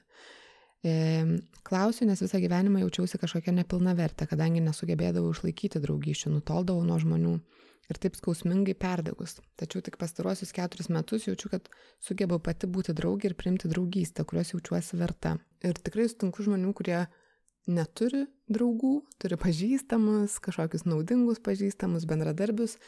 Ir yra draugų, kurie turi draugus nuo darželio ar mokyklos laikų. E, tai ką ką tai, va tas gebėjimas palaikyti draugystės, užmėgsti draugystės ir ypač ilgalaikės draugystės e, pasako apie mus kaip asmenybės. Mm. Taip ir man atrodo, kad, kad neringa tai labai norėtųsi pasveikinti, nes atrodo, kad vyksta tam tikra evoliucija jos gyvenime ir kad vyksta tam tikra evoliucija, vat keičiasi ir jos santykis į žmonės ir panašu, kad keičiasi ir tai, kiek ilgai išbūna šalia žmonės ir kaip pavyksta jai išlaikyti tos ryšius. Aišku, yra žmonių, kurie net ir sugebėdami išlaikyti ilgalaikės draugystės, vis tiek e, kiekviename burelėje žmonių jaučiasi svetimi ir jaučiasi tarsi, vat, ne iki galo pritampantis, lyg visi būtų visiškai kitokie negu jie. Tai nemažai žmonių turi tą tokį socialinės izolacijos schemą, kad tarsi, kad ir giliai būdami kartu jaučiasi vieniši ir kitokie. Tai ir dalinai tai yra toks vat negebėjimas atsiverti, dalinai tai yra negebėjimas priimti tam tikrą artumą, dalinai tai yra saugojimas savo pažeidžiamumo ir bjaurėjimas savimi. Ir kai aš pradedu patirti, kad vat, aš dalinuosi, dalinuosi dalykais, dėl kurių mano viduje gal net kilo tokių iliuzijų, kad mane labai stipriai atstums, aš nepatiksiu. Ar manęs šalinsis ir jaučiu, kad žmonės mane priima ir kad žmonėm taip rūpi. Ir kad žmonėm neskauda ir nebėga nuo manęs, o kaip tik jie priartėja, nes sako, žinai, va dabar aš tave pažįstu. Ir man daug įdomiau pažinti ne, ne tą tavo kūriamą hologramą, o jaučiu, kad va čia yra kažkoks toks tikrumas, kuriame ir mano emocijos suveikia kad aš klausausi nebe teksto, bet ir aš iš vidaus jaučiu, kad vad svarbius dalykus šneki ir man yra svarbu. Aš jaučiu, kad va čia tavo dėmesys, kad tau tai brangu ir man yra brangu. Ir mes tada pradedam daug labiau branginti tą laiką kartu ir kai branginame tą laiką, branginame ir tuos žmonės kartu. Mūsų atvirumo dėka mes būname tikresni tame laike, žmonės būna tikresni su mumis tame laike ir mes kuriame tikresnį ryšį. Ir aš sutinku, kad, kad papulti į tą erdvę iš dalies kai kuriems žmonėms labai pasiseka, nes jie sutinka į tokį tikrumą linkusių žmonių, kurie vis kvestionuoja ir sako, ai, neapsimetinėk, taigi aš žinau, kad nesi tik tais ponas gerėtis. Ei, taigi aš ne tik tavo Facebook'o feedą matęs, aš žinau ir kas tu esi per žmogus. Aš dar atsimenu, kaip devintoj klasiai mes ėjome pro namą ir tu išdaužiai tą langą. ir tada, va, tokie nuginkluojantys žmonės, jie iš tikrųjų, galima sakyti, į tą mūsų išorinį išorinį burbulą, kur mes bandome pastatyti labai gražų fasadą, mėtos strelytės ir sprogdina tos burbulus ir padeda mums būti tikrais. Jo, bet ne visiems pasiseka turėti tokių žmonių ir tada tenka vat, ieškoti savyje. Ir dažniausiai tokia paaiška ateina žmonės eidami į psichoterapiją. Nes e, atsiduria į tą klausimą, kad aš esu vienišas, aš kažkaip jaučiuosi savęs nepažįstantis ir jaučiuosi, kad yra kažkokia didelė dalis manęs, kurios, kurią aš išstumiu į šešėlį ir nepažįstu tiek apie save ir tiek ir ne, kitų nesupažindinu su ta dalimi. Bet tu norėjai kažką sakyti, Berta. E, aš galvoju apie tai, kad tu buvai prieš tai paminėjęs, kad jūsų draugystės, va draugų tęsiasi gal ir dėl to, kad viens kitą šiek tiek išaukštinat. Ir man atrodo, kad yra baime visą laiką nuvilti draugus. E, ypač jeigu viens kitą išaukština, yra labai didelis pavojus paskui nusivilti. Ir baisu viens kitam parodyti tą savo bjauras ir tamsesias pusės. E, bet turbūt nėra didesnės dovanos negu tada, kai tu ten visas drebantis pasidalini savo tais tamsiais, baisiais dalykais, kurių galvoji, kad niekam niekada nerodysi ir tave priima. apkabina ir sako, ai, čia nieko baisaus, e, aš irgi e, taip jaučiausi, tai buvau, tą padariau, arba, arba ne, man tai nepažįstama, bet nieko tokio, nu, aš, tai, aš tai galiu priimti. Turbūt tai yra toks labai esminis ir svarbus augimo kaip asmenybės ir augimo draugystėj momentas. Nemažai žmonių apskritai yra juk patyrę tą, tą efektą, kad ėjo į mokyklą ir va mokykloje ten buvo atstumti, ar į kažkokį burelį ir burelėje buvo atstumti. Ir atstumimas yra nu, viena iš skaudžiausių bausmių, kurią gali išgyventi žmogus. Ir tai giliai labai įsirašo ir žmonėm net būna sunku susijęti, kad būtent su tuo siejasi jų tam tikras didžiulis skausmas. Ir ne tik atstumimas būna ir tyčiajimasis, būna intrigas įvairios, būna, kai viens prieš kitą susimoko, nors draugauji keliesi ir tada tave palieka išjuokia ir, nu, šiaip aš kiek atsimenu ir kiek iš savo draugų istorijų girdėjus, tai, nu, žiaurus vaikai vieni kitiem e, gali būti mokyklose ir po to turbūt tai turi didžiulę reikšmę mūsų vėlesniems santykiam, pasitikėjimui vienas kitam.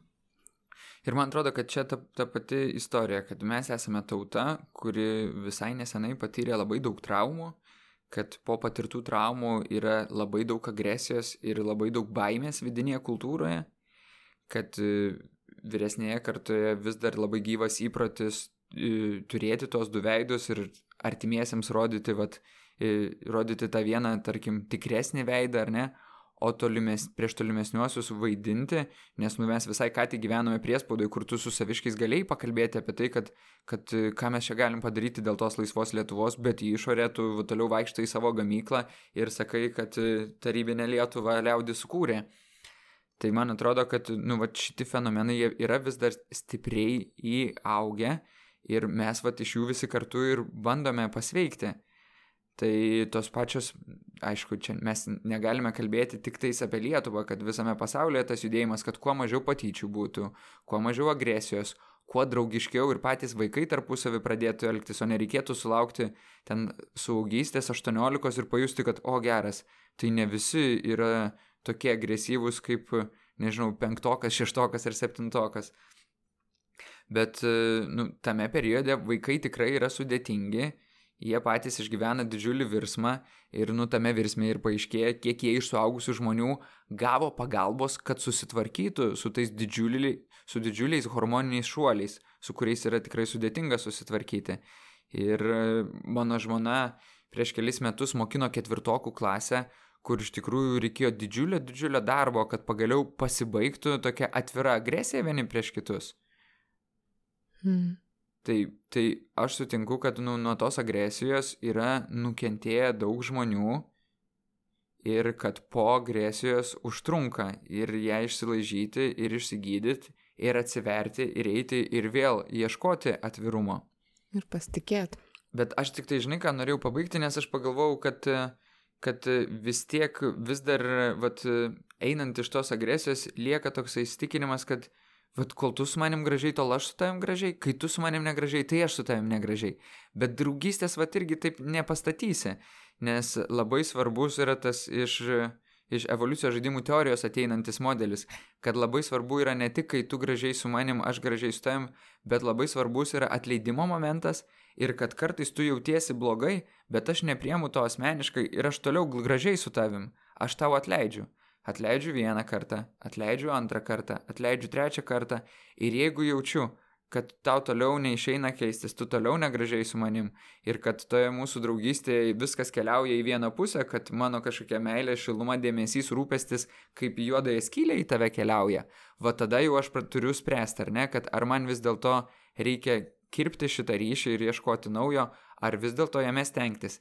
Nes iš tikrųjų yra tas e, įdomus tyrimas, kuriame buvo bandoma išsiaiškinti, kad kiek jūs suprantate, kiek esate artimi kitiems žmonėms ir kiek jūs suprantate, kad jums kiti žmonės yra artimi. Ir e, labai dažnai žmonės klysta.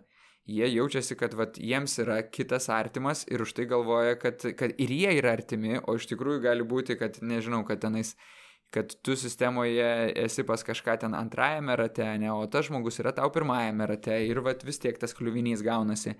Ir kai įsisamoname tos artumo skirtingumus, tada ir pradame spręsti tą klausimą, kad gerai, Va mūsų draugystė iš principo dėl to, kad man tas žmogus artimesnis, gali labiau remtis į tai, kad aš daugiau iniciatyvos parodau.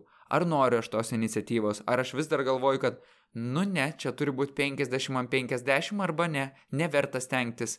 Ir įsisamoninęs ir atsakęs savo tą klausimą, gali būti, kad aš ir primsiu tai, kad gerai, gali būti, kad mes matysimės rečiau, negu aš norėčiau, bet vat tada sutampa mano ir to žmogaus interesai. Gali būti, kad aš parodysiu daugiau iniciatyvos, nesutampa mano ir to žmogaus interesai. Bet vis tiek tame santykė aš nenoriu, kad tas žmogus būtų su manim agresyvus. Gali būti, kad jo atsitraukime nėra bandymas būti agresyviam, atstumti mane ir pasakyti, kad tu man nesi svarbus.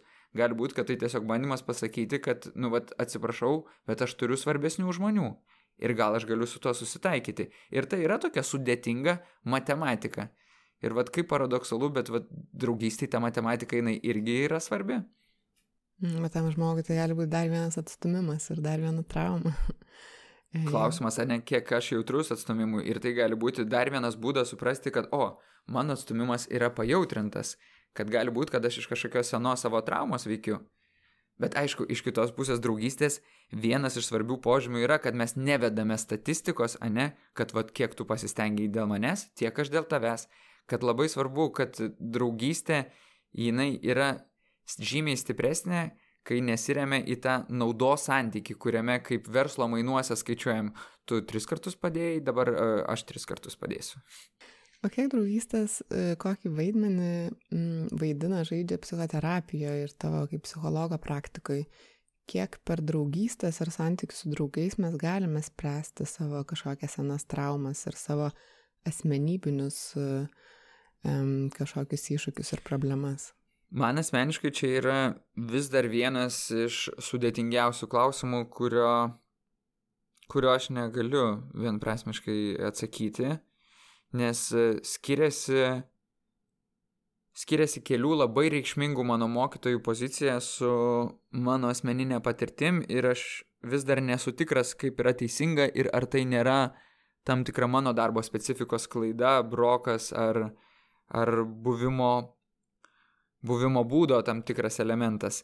Bet e, ten, tarkim, daktaras Alekseičikas tai sakytų, kad jeigu jau psichoterapijoje yra per didelis draugystės kiekis, psichoterapija keliauja ten neteisinga linkme. Ir šitą sakytų dauguma žmonių. Klausimas, o kurioje vietoje tas yra per didelis kiekis? Nes lygiai taip pat mes kalbėtume, kad psichoterapijoje labai svarbu yra artimas ryšys. Lygiai taip pat mes psichoterapijoje kalbėtume, kad vat, kad tas, e, tas ryšys, kuris susiformuoja psichoterapija, yra labai artimas ir panašus draugystiai. Kaip galima atskirti, nu, kad čia nėra draugystė, tai būtent apie tą ribotumą, kad mes galim susitikti tik tai valandą per savaitę. Kad, nu, skirtingai psichoterapeutai sudėlioja tas apribojimus, bet kad tu negali man skambinti kitų momentų, išskyrus, jeigu ten reikėtų pasitart, ar būtų kažkokia išskirtiniai svarbi situacija, bet nėra taip, kad savaitės eigoje, bet kada tu galėtų man paskambinti, kada nori. Nors vienas iš draugystės požymių yra, kad nereikia susitarti iš anksto, galima skambinti viens kitam, kada norime. Kai kuriuose draugystėse net apsilankyti viens kito namuose, neįspėjus iš anksto galima. Bet aš labai turiu galvoj tai, kiek draugystė ir santykiai su draugais užima e, vietos pačios, pačiam terapijos procese, ne tavo ir kliento, bet kliento santykis su draugais, kiek jis yra svarbus ar dažnas dalykas, raktas, sprendžiant kažkokias traumas ir problemas asmeninės. Jo, ir aš norėjau pratesti, žinai, apie tai, kad, kad vat, kiek, kiek yra tam tikro santykio labai panašaus į draugystę, kuris turi tam tikrus specifinius konkrečius skirtumus ir vienas iš svarbiausių skirtumų yra baigtinumas, Tai yra, kad e, mūsų draugystė, kad mūsų vat, ta ryšys panašus į draugystę nustos tada, kai tu nustosi pas mane lankytis, ne? Tai, nu, tarkim, 3-4 metų, vat, jisai pasibaigs. Ir kad, nu, mūsų draugystė remiasi į tai, kad tu atsineši pinigus, o mes būnam daug labiau apie tave. Kad vat, tai vis tiek yra kitas dalykas, bet tam tikri draugystės elementai tokie kaip artumas, pasitikėjimas, dalinimasis skaudžiausiais dalykais, buvimas atviram. Va šiti labai svarbus dalykai, jie vyksta psichoterapijoje Ir iš to, kad vyksta psichoterapija, labai dažnas klientas pradeda po truputėlį eksperimentuoti, didinti savo atvirumo kiekį ir pasitikėjimo kiekį. Iš to, kad patyrė patikimą santykį su psichoterapeutu, kur jam dalinantis skaudžiausiais momentais nebuvo pasityčiota, nebuvo panaudota prieš jį, jisai patyrė kaip yra priimamas, išklausomas, domimas ir kad iš tikrųjų su tais momentais yra išgyvenamas artumas, jis pradeda lygiai taip pat atsiverinėti ir tą patį išgyventi su savo draugais. Iš kitos pusės, į psichoterapiją jisai atsineša ir tuos konfliktus draugystėse, nes pagrindinė erdvė, kur vyksta žmogaus pokytis, pagrindinė erdvė, kur formuojasi žmogaus identitetas yra santykiai. Tai čia nais jisai vėl atsineša reikšmingiausius santykius iš draugystės į psichoterapiją. Bet vat, ko aš ir norėjau pratesti, kad labai įdomus man klausimas yra, o kiek vat, tos psichoterapijos tam tikrų dalykų, tai būtent to gilinimuose, domėjimuose, pakrapštimo vienas kito, tyrinėjimo, kiek mes turime, e, turime galimybės atsinešti į savo draugystės. Ir kiek iš tikrųjų kartais draugystėse mes galim pabūti psichoterapiški vienas kitam bet tuo pačiu, kad tai netaptų būdas pasislėpti nuo viens kito, užimti šiek tiek tokią saugesnę dominuojančią poziciją prieš viens kitą, kad tame būt išliktų tas draugiškas momentas, kuri įmanoma, man atrodo, tiek pat psichoterapeutų terapijai laikyti, kad man nuoširdžiai įdomu ir aš iš nuoširdaus intereso ir tau padėti, ir domėjimosi pasauliu, ir iš rūpešio tavimi noriu suprasti, kas su tavimi vyksta čia nais šita dalis man tikrai yra labai stipriai neaiški, nes kartais mano ir mano draugų pokalbiai, kai mes ten vakarojame kartu ir kalbamės apie gyvenimą, man yra beprotiškai panašus į grupinę psichoterapiją, kuri vyksta, e, nežinau, mano darbe, kai mes esame ligoniai ir kaip kalbasi žmonės. Tai man atrodo, kiekvienas susibūrimas gali tam tikrą grupę tapti. Klausimas, kiek evoliucionavo mūsų draugystės. Dar Aristotelis kalbėjo apie skirtingus draugystės laipsnius, ne? Yra draugystės dėl naudos, kuriuose ten dažniau būna ten vyresni žmonės, kaip kažkokie tai mainai, ten kolegos apsikeičia informaciją, kolegos apsikeičia ten tam tikromis paslaugomis ir vat vyresni draugai turi tokių, kad, kad tu pasaugok kaimynai tenais, kad va paliksiu tau raktus, jeigu kas tu pažiūrėk mano namus, aš tenais pasižiūrėsiu tavo namus, kai jūs būsite išvykę. Jaunesnių žmonių draugystės daug dažniau remiasi į bendrą malonumą, kad uh, party, lėkiame visi kartu, pasilinksminsim. Ir žiūrėk, vat, e, pas vyresnius pamažėjo tos naudos tarpusavę, čiukšt atitolo. Pas jaunesnius pamažėjo to malonumo kartu, kad mes nebeturime tenais tų vakarėlių, nebevalė, nebekeliaujame. Tas pats būtų sporto komanda, kuri kartu patiria malonumo, kad sportuoja, laimi tenais ar pralaimi, bet va, visi kartu išgyvena bendrumą. Baigėsi tas malonumas ir atitolo, nes tas atitolimas ir patikrina, o kiek ta tikra yra draugystė ir tikrumą šitoje vietoje mes remtume, kad kiek jinai turi didesnį gylį. Tai reiškia, kiek mes esame vat, panašesni savo įsitikinimais, pasitikėme vienas kitu, norime išsaugoti vienas kitą, laikome tą draugystę svarbesnių ryšių negu visus, visus kitus ryšius. Ir man atrodo, kad jeigu draugystė yra evoliucionavusi, kad jinai jau perlipo naudos santyki, perlipo malonumo santyki ir jinai jau atkeliavo į tokią gilesnę draugystę, joje daug šansų yra, kad mes galime tyrinėti labai gilius tarpusavio klodus. Ypatingai, jeigu tas tyrinėjimasis jisai nebus toksai šaltas, vat, skalpelių toksai preparavimas kaip vabžio, kad pasižiūrėti, hmm, kas čia nais, žinai, vyksta, kaip, kaip, kaip mokslininko į, į objektą. O kaip toks bus bendras mūsų gerovės kūrimas, kad giliau pažinti, kad, žinai, nu, va, matau, matau, žinai, va, kad tau yra skaudu, kas yra. Ir sakau, kaip pernai metais vienas geriausių draugų per kalėdų, ten mūsų tradicija 26 dieną pradėjo kalbėti, kad, žinai, kaip man sudėtinga, kai aš nuvažiuoju pas savo tėvą ir kai, kaip matau jo problema su alkoholiu, kaip matau jo tam tikrą elgesį, bendravimą su manimi ir kai tam tikras jo elgesys atsikartoja ir mano elgesys su kitais žmonėmis. Vat tokie nuoširdus pasidalinimai, man atrodo, yra didžiulis draugystės gylis, į kurį yra sudėtinga patekti. Jį lengviau būna išsaugoti diadiniuose santykiuose, kur mes viens ant vieno susitinkame. Bet sugebėti vat, kažkaip suburti aplink save grupelę, kuriem pavyktų būti nuoširdiem, pažeidžiamiem dar ir grupinėme santyki, yra labai sudėtinga, nes grupėje daug dažniau įsijungia tas paviršutiniškumas, orientacija į malonumą, pokalbiai tokie atsargesni, kurie arčiau kalbėjimuose apie orą, nes tikroji draugystė tikrai žmonės nekalba apie orą. E, vakar irgi viena iš klausytojų parašė pasidalinimą savo apie būtent grupinę draugystę, kur jinai turėjo tarsi tokią bendruomenę draugų ir paskui suprato, kad iš tikrųjų nei vieno iš jų nepažįsta.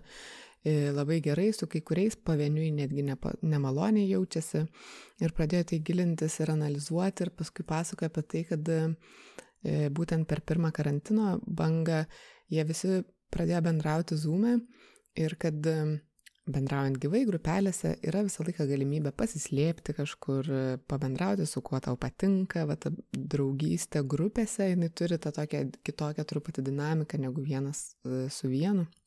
Gali atsirasti kažkokiu irgi pavydų, kad tavo du draugai tampa geresni draugai tarpusavį negu su tavim, e, kažkokių paslapčių, visą kitą. E, ir jinai pasakoja apie tai, kad būtent karantino situacija ir bendravimas zūme, kai visi atsako į vieną tą patį klausimą, e, padėjo susipažinti vieni kitiem, net po ilgų draugystės metų asmeniškai ir nustebino ir suartino. Draugystė grupėse kartais gali irgi nuslysti paviršium, bet nes nėra galimybės kiekvienam skirti tiek pat laiko, bet vat, karantino situacija e, pakeitė, pakeitė tą. Ir aš irgi galiu kažkaip įdomiai pati savo įsivardinau ir pastebėjau, kad irgi per karantiną, nors ir buvo tarsi daugiau fizinės vienatvės ir apie tai, ką tu kalbėjai, to trūkumo gyvo bendravimo, bet aš pradėjau jausti stipresnį ryšį ir artimesnį ryšį su savo draugais, nors ir bendraudama nuotoliniu būdu. Ar tu pastebi įtaką e, kažkokią viruso ir karantinų visų bangų e, draugystėms tavo arba tavo klientų pasakojimuose? dauguma žmonių pasakė, kad yra atitolę. Iš kitos pusės nemaža dalis žmonių šneka apie tai, kad e, karantino metu paaiškėjo, vat, su kuo tos draugystės tikrai yra pačios svarbiausios, o su kuo buvome tiesiog suvedami tam tikrų aplinkybių, kurios vadingo ir nebebendraujame. Tai aš daug dažniau girdžiu apie tai, mano gyvenime iš tikrųjų irgi tai atsikartoja, kad aš daug daugiau turiu pokalbių su draugais vienas ant vieno, o va tas bendravimas grupelėmis jisai yra labai stipriai apmažėjęs. Ir man atrodo, kad mes kaip grupė esame kažkuria prasme susilpnėję, bet iš kitos pusės neblogai laikomės, nes grupės pamatą geriausiai ir sudaro tai tarpusavio ryšiai. Ir kad tarpusavį mes visi pabendraujame atskirai ir, ir kartais net ir kartu ten pasikalbame, kad ten kaip sekasi trečiajam. Ir tarsi ta grupė vis dar gyvena, bet negyvena tokio savo gyvenimo, bet tai, ką sakė, e, tau rašė žmogus, man irgi yra labai pažįstama, nes aš irgi jaučiau, kad didelę pastangą dedu į tai, kad tarpusavį gerame ryšy būtų grupė ir labai stengiuosi organizuoti tam tikrų metų vat, to savo antros šeimos grupės buvimą kartu ir jaučiau, kad e, to rezultate buvau atitolęs nuo kiekvieno žmogaus, nes labai norėjau, kad jie burtųsi kaip grupė ir tarpusavį bendrautų ir buvau primiršęs, kad, kad aš pats gerai tame jaučiausi, man svarbiausia yra pačiam su nebūtinai kiekvienu iš jų, bet bent jau su pačiais svarbiausiais vis palaikyti tą ryšį ir žinoti, kaip jie ir būti išgirstam, kaip aš toje grupėje. Bet aišku, klausimai yra skirtingi ir labai geri, tai man labai patinka ta idėja apie tai, kad kaip aš galiu būti geresnis draugas. Ką man reikėtų pakeisti tam pačiam vat, diadiniam santykiui, kai mes esame dviese, kad, kad mūsų draugystė būtų gilesnė. Ką aš darau nepakankamai gerai, kad ta draugystė nesugeba evoliucionuoti į tam tikrą gilesnį laikotarpį. Vat, nes ne vienas mano klientas irgi šnekėjo apie tai, kad kad kol mes su kambarioku gyvename, jis buvo man vienas iš artimiausių žmonių, išsikraustėme, gyvename jau atskirai kokie 4-5 metai ir aš jaučiu, kad mes vis labiau esame tolimi, kad aš sustinku su žmonėmis ir man patinka pašnekėti gilesnėmis temomis, aš sustinku su juo ir jaučiu, kad jam smagu tiesiog iš visko daryti bairį, pasijuokti arba tiesiog kalbėti apie save ir kad kuo toliau, tuo labiau pastebiu, kad aš jam nesu įdomus. Tai man grupelėse buvo e, svarbus virsmas, nes e, aš grupelėse jausdavausi nejaukiai Ir tam, kad kompensuočiau savo nejaukumą, jaučiau, kad man norisi imtis tokios lyderio vaidmens, norisi daug šnekėti, pasakoti, linksminti kitus ir kai pajausdavau, kad vat, kiti tarsi jaučiasi geriau, tada ir pats šiek tiek aprimdavau. Ir psichoterapijos visas mokslas ir pakraipa man padėjo kažkaip pajausti, kad grupėje daug turtingų, giliai savo vidinį gyvenimą išgyvenančių žmonių neturi tada pakankamai vietos. Kad aš kažkuria prasme panašiai kaip to mano kliento draugas elgdavausi daug, sukdavau buvimo grupės į linksmumą ir į smagumą ir praleisdavau tą galimybę, kad mes ir kaip grupė galime pabūti pakankamai gerai kartu. Ir manau, kad tam irgi buvo tam tikra mano, mano socialinės izolacijos schema, mano tokia bijojimo būti grupė ir patyrimo, kad grupė gali būti agresyvi mano atžvilgių patirtis. Tai va, bet man atrodo, kad sugebėti grupėje pasidalinti to dėmesio yra žymiai sunkiau, nes vat, būti pakankamai gerų draugų grupėje yra žymiai sunkiau negu būti pakankamai gerų draugų grupėje vienas ant vieno pajausti vat, tą, tą paiešką, kad kas šiuo metu yra labiausiai prisirpęs kalbėti, sukurti tą saugumą, kad žmonės jaustųsi pakankamai saugus galintis dalintis grupėje, bet tuo pačiu ir kažkaip perdėm ne užsimėgauti to dėmesiu, kai visi žiūri į mane, bet išmokti juo dalintis, kad žinai, ačiū, man jau užtenka, aš noriu išgirsti, kaip jūs dabar esate. Čia yra tikrai labai nelengvas šokis, ar ne? Ir čia galėtume palyginti šokį dviese su šokiu, kai šoka, nežinau, formation, visa žuvėdra kartu, keičiasi partnerėmis. Labai sudėtingas procesas. Man draugystė grupiai toks gana naujas dalykas, nes aš turėdavau arba keletą draugų po vieną iš skirtingų labai kažkokių net vietų ar aplinkybių, tada partnerį ir, ir tiek. Ir pe, nu, ke, keliarius paskutinius metus radosi didesnė žmonių grupė ir kokia tai yra dovana, kai tu gali uh, Bet iš tikrųjų, kaip sakai, šokti ir, ir mainytis partneriais. Ir, ir šią vasarą, kai buvau vienam kambarį, kuriame gal buvo dešimt žmonių, ir suvokiau, kad aš visus juos myliu, visais jais pasitikiu, su visais jais jaučiuosi saugiai, man tai buvo toks tarsi nušvitimas, žinai, kad, a, tai apie tai yra gyvenimas ir apie tai yra draugystė. Tu turtingas žmogus. ir kad tai yra didžiulė dovana, nes su tuo viskas tikrai kažkaip uh, nu, lengviau, e, lengviau gyventi. Dar apie vieną dalyką, ką galvoju ir kas irgi buvo vienos iš klausytojų Linos klausimas apie moteriškas ir vyriškas draugystės.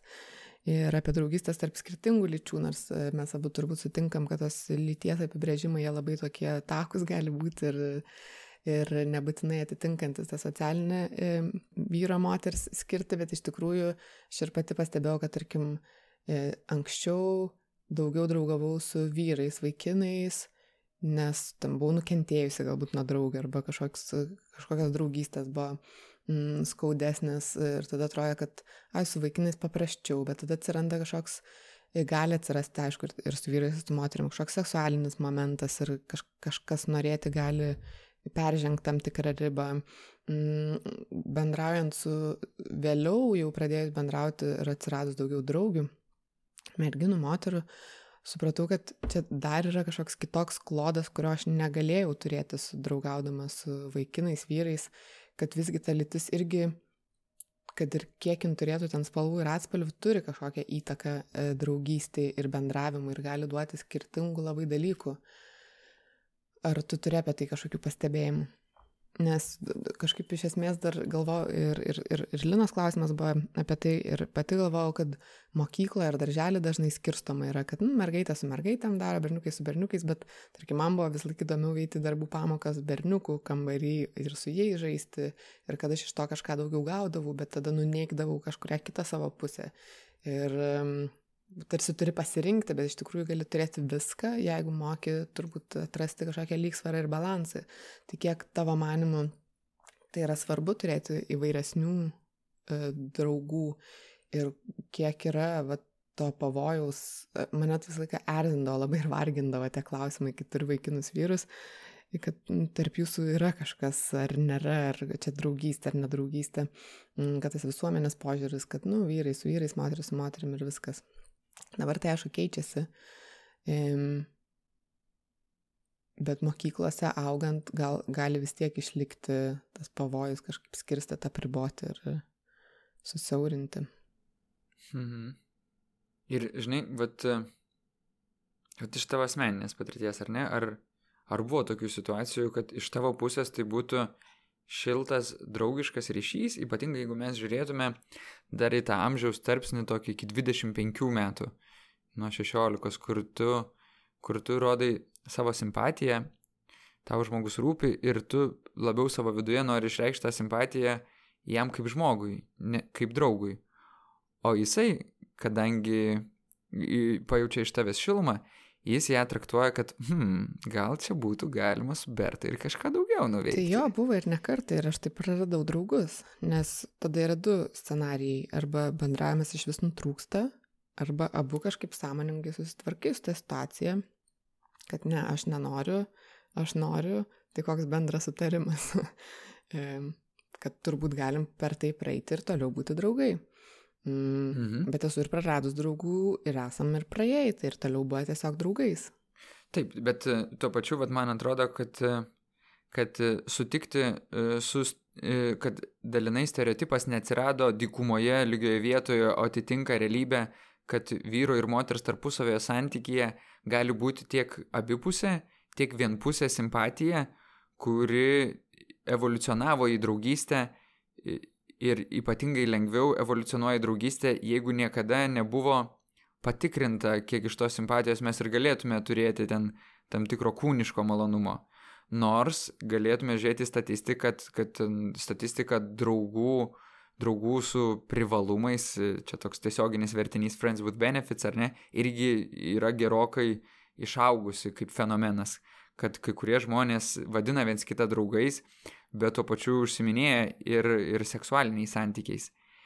Tai čia keli dalykai. Pirmas, ne, kad iš tikrųjų, žvelgiant iš tokios jauno žmogaus perspektyvos, tai yra polinkio, kur statistika sakytų, kad dažniau, dažniau ta, e, tai yra kaip refleksyvus, kaip refleksas e, berniukams negu mergaitėms, kurie daug stipresnį hormoninį aktyvumą ir patiria ten nuo 16 iki 25 metų reaguoti į šilumą kaip į galimybę gauti ten seksualinį malonumą arba seksualinį artumą, bet nereikėtų sakyti, kad tik tais berniukams lygiai taip pat ir mergaitės gali žiūrėti ir per artumą e, artėti prie tam tikro jaunuolio, norėdamas daugiau negu draugystės, nors jisai nori draugystės, ar ne? Nes mano gyvenime lygiai taip pat yra buvę. Bet yra šansų, kad mes vat evoliucionuosime, kaip ir šnekėjom. Iš kitos pusės yra šansų ir labai stipriai degraduoti. Ir vat visai neseniai šią savaitę iš tikrųjų ligonį mes turėjom tokią situaciją, kai du pacientai jau kuris laikas jautėsi, kad jie taip artėja link vienas kito ir gražiai pasirūpina skirtingose situacijose, prie skirtingų pergyvenimų ir jautėsi, kad jie jau suformavo šiltą emocinį ryšį. Iš to šilto emocinio ryšio jie nusprendė tiesiog vieną vakarą kartu pavakaroti, alkoholis, šokiai ir jie pasimylėjo kartu. Ir ką mes to rezultate turime? To rezultate turime, kad nu, vat, jų artumas buvo labai stipriai sužeistas. Ir kitas pacientas sako, tai kas, kas atsitiko, kodėl tu taip? Ir aišku, pradžioje yra tarsi kaltinimas į vyrišką pusę, kodėl tu taip?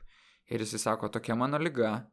Ir tada jinai sako, bet nekaltėkim jo, nes čia ir mano tokia lyga. Kad čia ir mano būdas, va, ieškoti tam tikro narkotiko ir tam tikro nuskausminimo. Ir čia vėl, man atrodo, tas pats sugrįžimas į tokį fairverką, trumpalaikis dudų sprogimas ir prarastas tas ilgalaikis ryšys, kuriame tas, to sprogimo gal nebūtų, bet va toje ilgalaikėje draugystėje, artumo draugystėje gali būti, kad jie būtų patyrę daug daugiau, va bendrumo, malonumo, vien per, per, per prisilietimą ir draugavimą. Iš kitos pusės, jeigu tas įsimylėjimas būna labai stiprus, būna sunku evoliucionuoti ir tam nemažai žmonių sako, kad gerai sutinku su tavim draugauti kaip draugai, vien tam, kad bent dalį išsaugotų ir toliau viduje puoselėje tas idėjas, kad o gal visgi išeitų būti kartu. Ir, ir dabar aš turiu tokią situaciją, kur išsiskyrė mano vienas klientas su savo mergina ir, ir nu, vat, atrodo, kad mergina sako, kad taip, būkime draugais, bet to pačiu jos tas poreikis būti draugais vis priartėja prie galimybės vėl suartėti romantiškai. Ir kad jau pabandžius romantinę draugystę kartu išlikti draugais, va čia yra sudėtinga. Bet įmanoma. Įmanoma, be abejo įmanoma, bet labai sudėtinga. Gerokai lengviau išlikti draugais, nepabandžius romantinės draugystės, o va taip aiškiai nusibrėžus ribas. Mhm. Ir tokių santykių, tai man atrodo, mes turime labai daug, nes idėja apie tai, kad vyrai ir moteris negali būti draugais, tai jinai labai senamadiška ir ne tik tyrimais, bet ir nu, realia gyvenimiška patirtima aiškiai įrodyta. Tai man atrodo, tiek tu turi įvairių lyčių draugų, tiek aš. Bet, žinai, visą laiką, aišku, klausimas ir kaip mūsų partneriai žiūrės į tos priešingos lyties draugus, ar ne? Ir kiek jie jausi saugus ar nesaugus. Mm. Ir va šita idėja, jinai nu, labai stipriai remiasi į tai, kad į, į saugumą, pasitikėjimą, į gebėjimą tvarkyti su savo impulsyvumu, į gebėjimą kontroliuoti savo aistras ir į pasirinkimą, ar yra mano gyvenime kažkas vertingiau negu mano aistros. Ir ar gali būti, kad e, draugystę kaip ilgalaikį fenomeną aš vertinu stipriau negu tą aistringumą, kurį sukelia tas žmogus. Mhm. O gal sugebėsiu kažkaip suderinti. o kiek mes kaip draugai esame atsakingi už vienas kitą? Aš dažnai, ypač vat, su naujesniais draugais atsitinka tas, kad matai, kad sunku, klausi, kas yra ir sako, ai, nenori apkrauti. E, nu, man atrodo, tai visiškai nesąmonė, kai žmonės nenori vieni kito apkrauti, bet iš kitos pusės suprantu, kad tada galbūt tas žmogus, kuris sako, kad nenori apkrauti, pats labai apsikrauna, jeigu su juo kažkuo pasidalini. Ir labai pergyvena, nori, kad tau būtų geriau, arba ten neris iš kailio, kad tau padėtų. Tai kiek mes už vienas kitą esame atsakingi, kaip draugai, ir kaip rasti tą būdą viens, kitam, viens kitą neapkrauti bet vien su kitu būti ir išbūti visose tose sudėtingose situacijose. Tas apkrauti.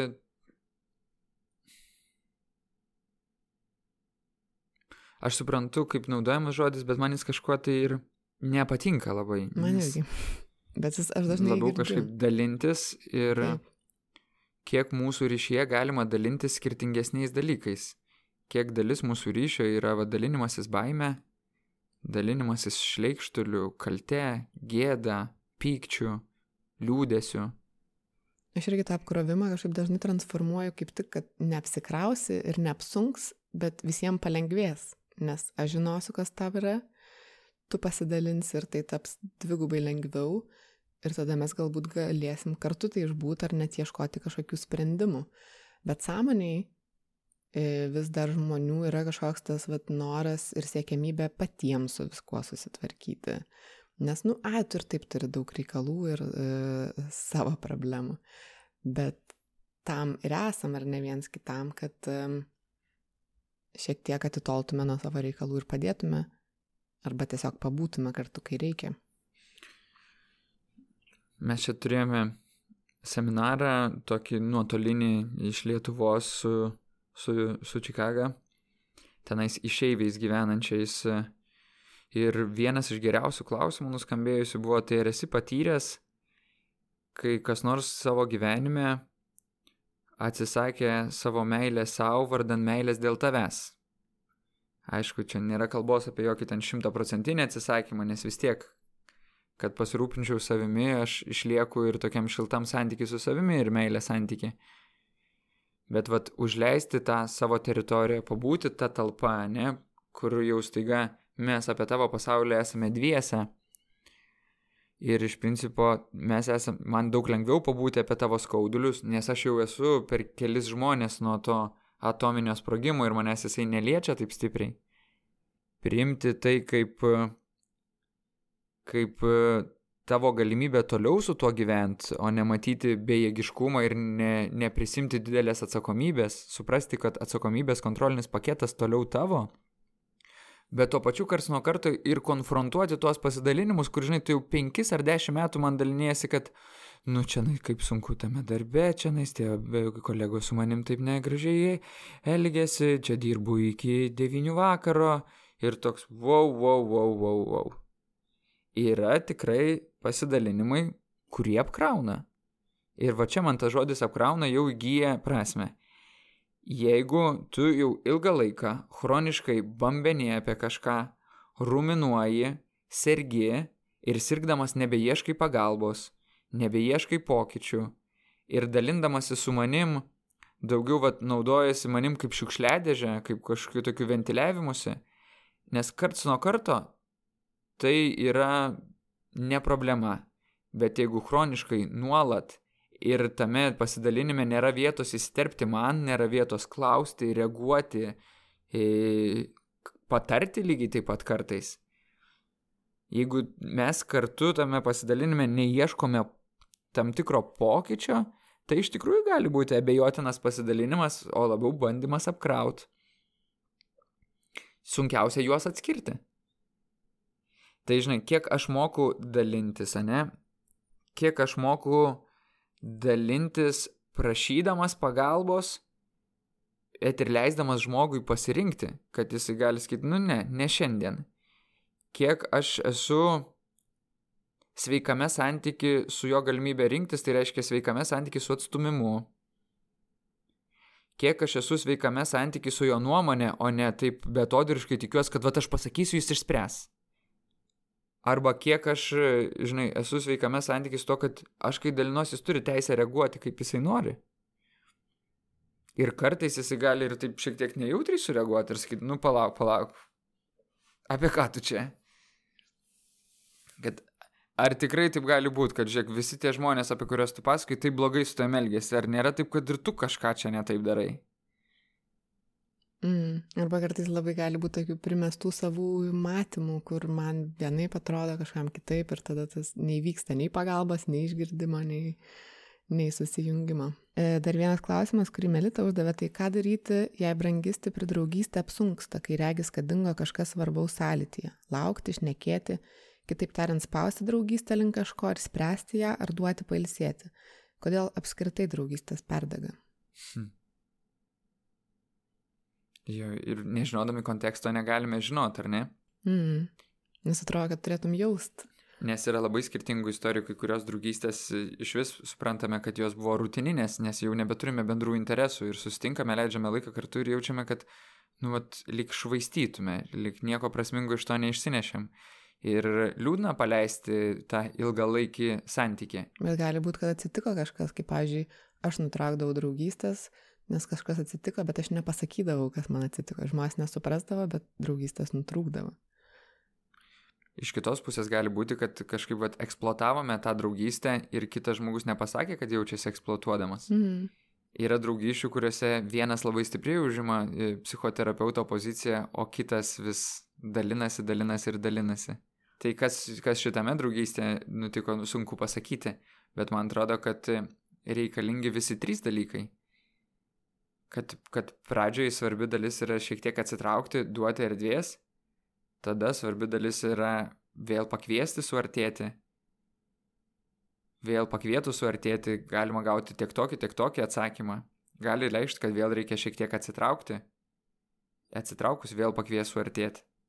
O suartėjus jau galima pajausti, ar tinkamas yra tas momentas, kad spręsti ir klausti, kad žinai, o kas buvo tarp mūsų nes apie kai kuriuos dalykus šnekėtis gali ir būti, kad nebus laiko visame šitam gyvenime. Vat nesenai viena klientė labai aiškiai sprendė tą klausimą, sako, kad aš suartėčiau su tėčiu ir kad mes taptume geri draugai. Jaučiu, kad e, labai svarbu būtų pasikalbėti apie tėvo patirtį, kai jisai buvo kariškis ir kai jisai patyrė, kas tenais vyko pas jį Afganistane. Ir žinai, kiti, kiti sėdinti šalia e, vyresnio amžiaus žmonės sakė, žinok, gali būti, kad tėtis niekada gyvenime nenorės šnekėtis apie tai. Ir labiausiai nenorės šnekėtis su tavim kaip dukra. Ir va šitoj vietoje jūs gal ir net neturite šanso susidraugauti. Aišku, tarpusavę santykiuose labai nemažai žmonių įvykusias problemas tiesiog paskandina, vėl susidraugauja ir pamiršta kažkas buvo įvykę. Ar tai yra teisingas sprendimas? Gali būti pats teisingiausias, jeigu veikia. kitiems žmonėms daug geriau veikia po kiek laiko pasikalbėjimas, kad ei, kas ten buvo. Kad žinai, kad kas atsitiko, tu nutolai nuo manęs, ar aš kažką blogai padariau. Tik daug dažniau e, tas bandymas išsiaiškinti vyksta ne bandymu suprasti, ką aš negerai padariau, o tokiu kaltinimu, kad ei, tu, tu nutolai, palikai mane, man labai skaudėjo, kaip tu galėjai taip su manim pasielgti. Tai kaltinimas, kaip taisyklė, sukelia dar daugiau atstumimo. Tai daug mažiau panašiai į bandymą suprasti, išsiaiškinti ir pasidalinti atsakomybę, kad o ką visgi aš netaip dariau. Ir jeigu aš noriu išsaugoti draugystę, daug svarbesnė ta atsakomybė, kur aš sakau, kad aš noriu vėl suartėti, prašau padėk man, ką aš galiu geriau daryti. Ar aš kažką kažkaip užgavau tave nesuprasdamas. Padėk man suprasti, nu, nes nesuprantu, nesu pakankamai jautrus, kad pagaučiau, kaip tave užgavau. Gal tikrai nenorom kažką netai padariau. Mm, mano vienas didžiausių tokių suvokimų ir pamokų turbūt šiemet buvo tas neskubėjimas ir išlaukimas, apgalvojimas, kas galėjo būti ne taip, tada apmąstymas, ieškojimas žodžių kažkokių klausimų, permastymas ir tada tik vat, atsitraukus ir davus laiko grįžimas vieną ar kelis kartus, jeigu reikia, kad tai yra ir toks asmeninis labai procesas. Ir tada kelių, dviejų ar kelių žmonių e, procesas, kur turbūt labai svarbi, svarbus atidumas ir jautrumas viens kitam. Mm, bet bet kokiu atveju, net jei ir draugystės baigės, turbūt svarbus yra kažkoks uždarimas, e, kad neliktų viskas tiesiog kabėt su daug klausimų, kad svarbu jį kažkaip tą etapą uždaryti. Taip ir nemažai žmonių taip ir nesusitinka ir nepaaiškina, ne? Tiesiog vat, užblokavo, dingo ghosting, ar ne tas terminas, kad tapo vaiduokliu. Ir tai atrodo yra viena žiauresnių agresijos formų. Kad jeigu tikrai tas žmogus mums buvo brangus, kad gal pradžiai reikia laiko sustvarkyti savo viduje, bet paskui tai labai norisi palinkėti bent jau tiek atleisti, kad susitikt, o susitikus paaiškinti, kad žinai, va, dėl to ir to užpykau ir atsiprašau, jaučiu, kad kad toliau man nepavyks su tavim bendrauti, kad jaučiu, kad šitoj vietoje ir pabaigim draugystę. Bet man atrodo, tu labai gražiai pasakei, kad svarbu, kad kiek svarbu draugystėje yra tas susipažinimas, suartėjimas, kiek svarbu yra tolesnis tas dėstymas, kai mes kūrėme draugystę, tiek svarbi dalis, jeigu draugystė trukinėja, tai yra tas atsisveikinimas, nutolimas. Ir lygiai taip pat psichoterapijos vienas iš etapų yra tas atsisveikinimas. Kad viena iš taisyklių yra, kad jeigu jau nusprendai nutraukti psichoterapiją, negali neteit kitą kartą. Priklausomai nuo to, kiek laiko bendravome, jeigu bendravom ten kelis, tris metus, ateisi gal net ir ten keturis, šešis kartus ir aptarsim, atitolsime, po truputėlį nukirpsime tą ryšį, o ne kirsime kaip kirviu, nes tada daug dalykų lieka neišsakytų ir yra daug vietos interpretacijai. O viena iš didelių draugyšės klaidų tai yra, kad mes suinterpretuojame, nusprendžiame pagal save, suprojektuojame situaciją bet neišsiaiškinam ir nepaklausome, o kaip kitam žmogui atrodė ir kas tenais iš tikrųjų įvyko. Hmm. Tai turbūt šitą uždarimo temą ir reikia baigti mūsų pokalbį, nes jau labai ilgai kalbam. Nors turiu dar daug klausimų ir man atrodo, kad tik, kad dar galima lysti giliau ir kapstyti, iš kitos pusės atrodo, kad tarsi pažįstama, daug suprantama, bet kalbant dar pasimato kažkokių dalykų ir galėtume tęsti. Man atrodo, kad, e, žinai, kad vat, svarbus dalykas, kurio neaptarėm, kuris labai labai reikalingas mano pacientam, kad vat, draugystės ir pasitikėjimas tais draugais būna labai dažnai reality check, tas realybės pasitikrinimas.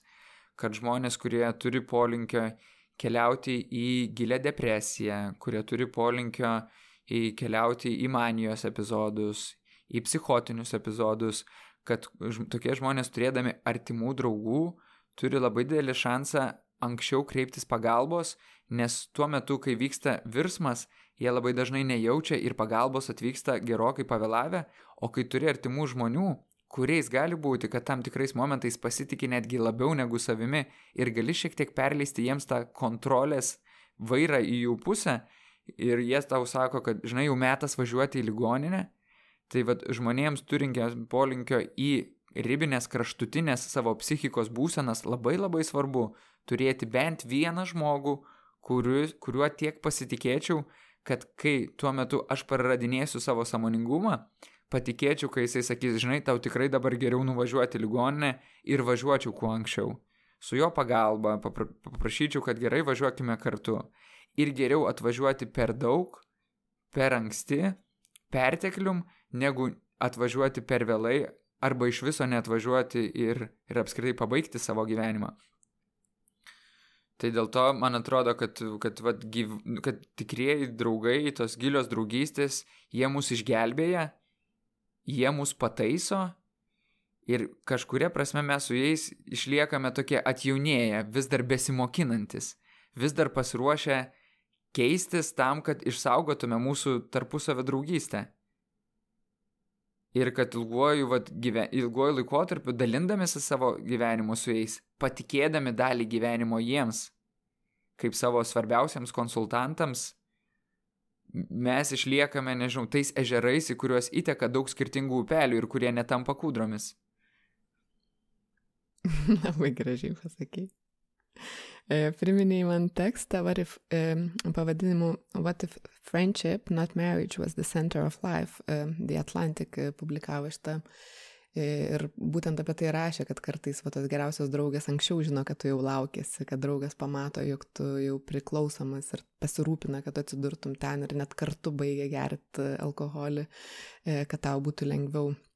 Ir kad, kaip tu panaudojai, čia upelių kūdrų e, metafora ten buvo pasakyta, kad draugystė dviejų moterų, ten viena iš moterų sako, kad romantinis partneris tai yra tas cherry ant top, vyšnė ant torto, bet tortas tai yra mūsų draugystė.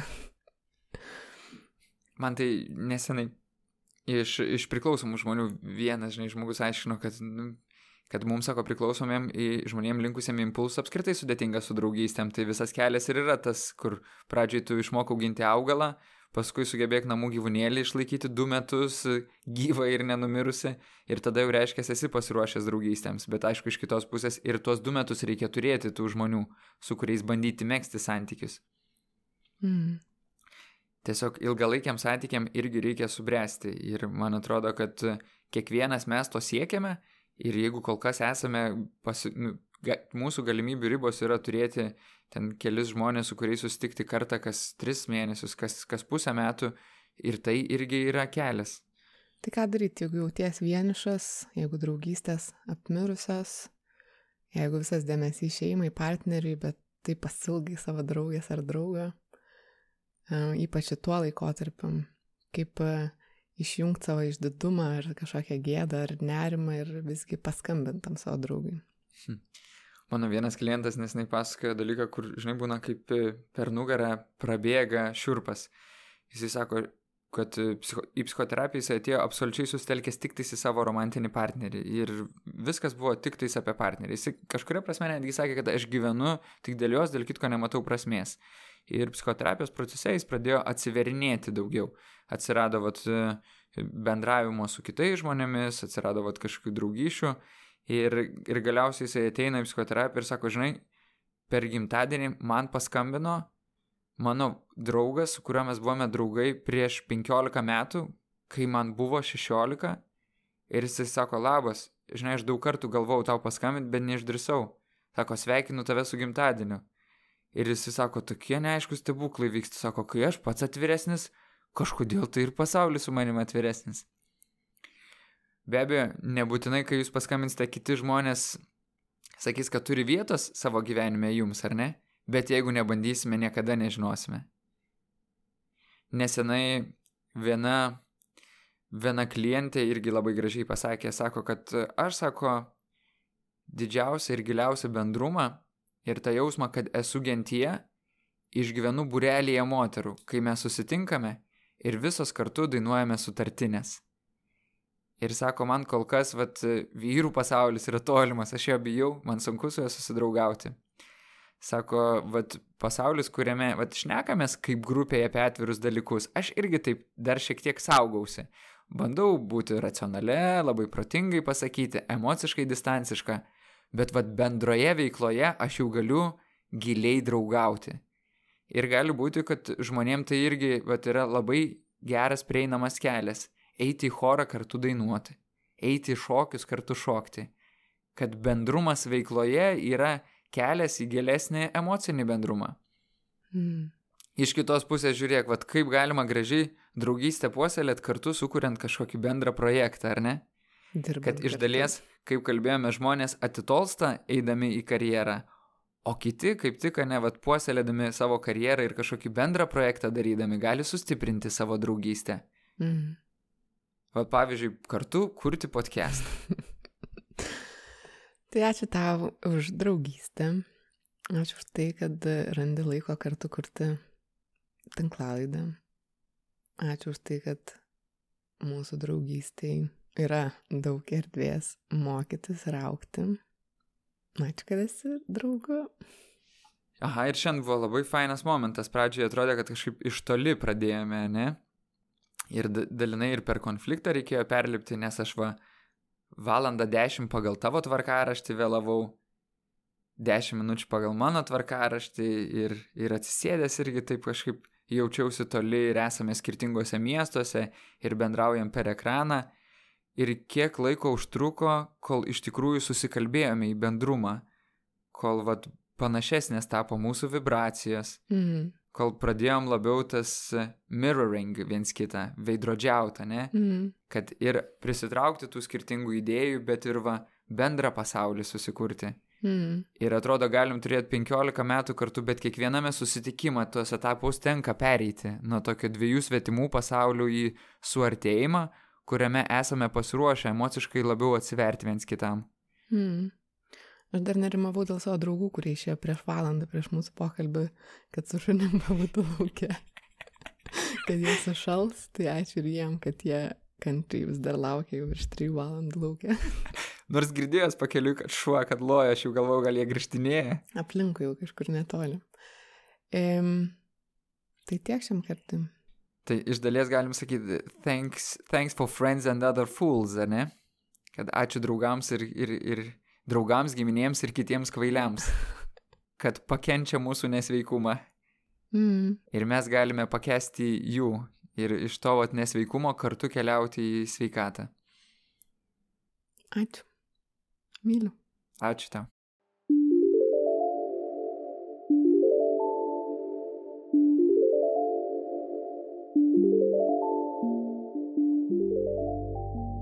Šioje vietoje Andrius ir Bertos pokalbis tarsi baigėsi, bet ne vienas jų, nesitardami, neišjungė mikrofonų. Ir tada jie pradėjo kalbėtis apie jų tarpusavę draugystę, tarsi praktikoje patikrindami tai, apie ką diskutavo liktol. Abu Andrius ir Bertas sutiko, kad ši dalis, kurią dabar girdėsite, taip pat būtų prieinama jums. Mes nusprendėme ją pasidalinti. Kviečiame pasilikti.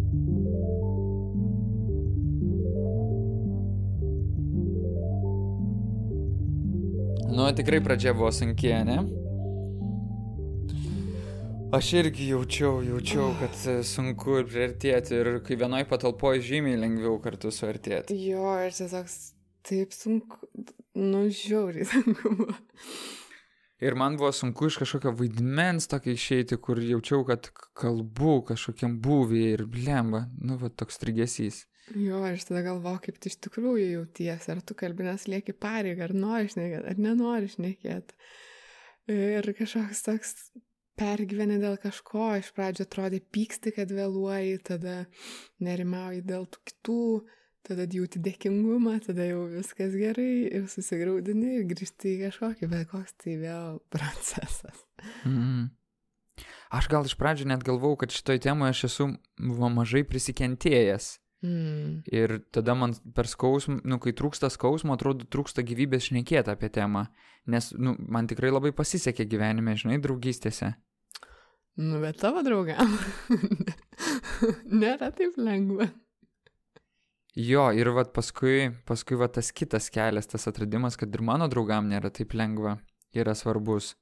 Bet ir tas savęs atradimas apie, apie tai, o kaip pavyko galiausiai rasti tikrumą su draugais, ne vien Mhm. vat ryšį per tokį bendrą žaismingumą, bet ir ryšį per tokį emocinį gilį.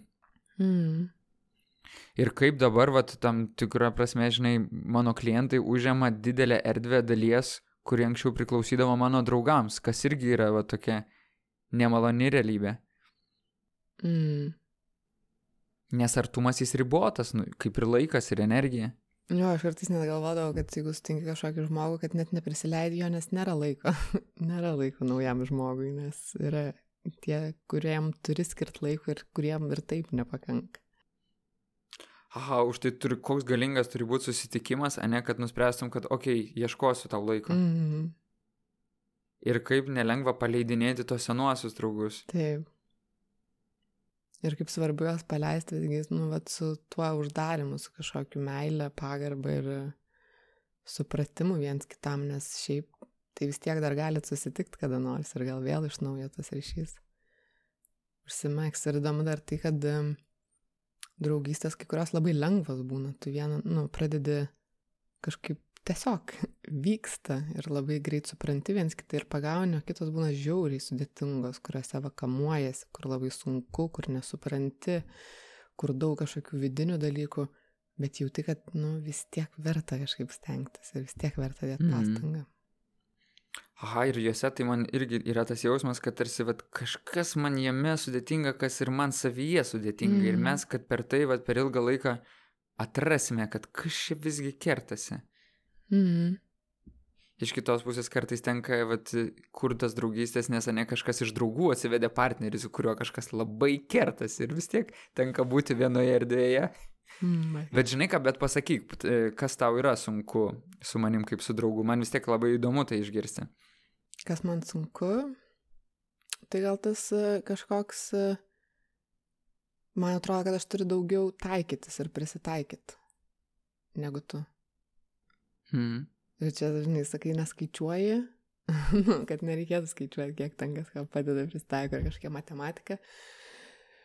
Tik man taip atrodo, kad jeigu aš noriu išlaikyti draugystę, aš turiu tada prisitaikyti, mažiau reikalauti ir daugiau prisitaikyti. Ir gal Mm. tai yra sunku kartais. Nesu tikra ten ar, žinai, iš esmės pasitikiu ir šiaip žinau, kad bendrai viskas gerai, bet nesu tikra, ar, tarkim, jeigu kada man labai reiks, ar aš tikrai galėsiu tave pasiekti. Tai gal tas, va, Tai žinok, tada, kai, kai tikrai labai reiks, tai svarbi dalis yra du praleisti skambučiai. Ir dar, par, jeigu tikrai labai reikia parašyti žinutę, kad Andriu, sunkus momentas, prašau, kaip tik greičiau galėsi atskambink. mm, gerai. Žinosiu.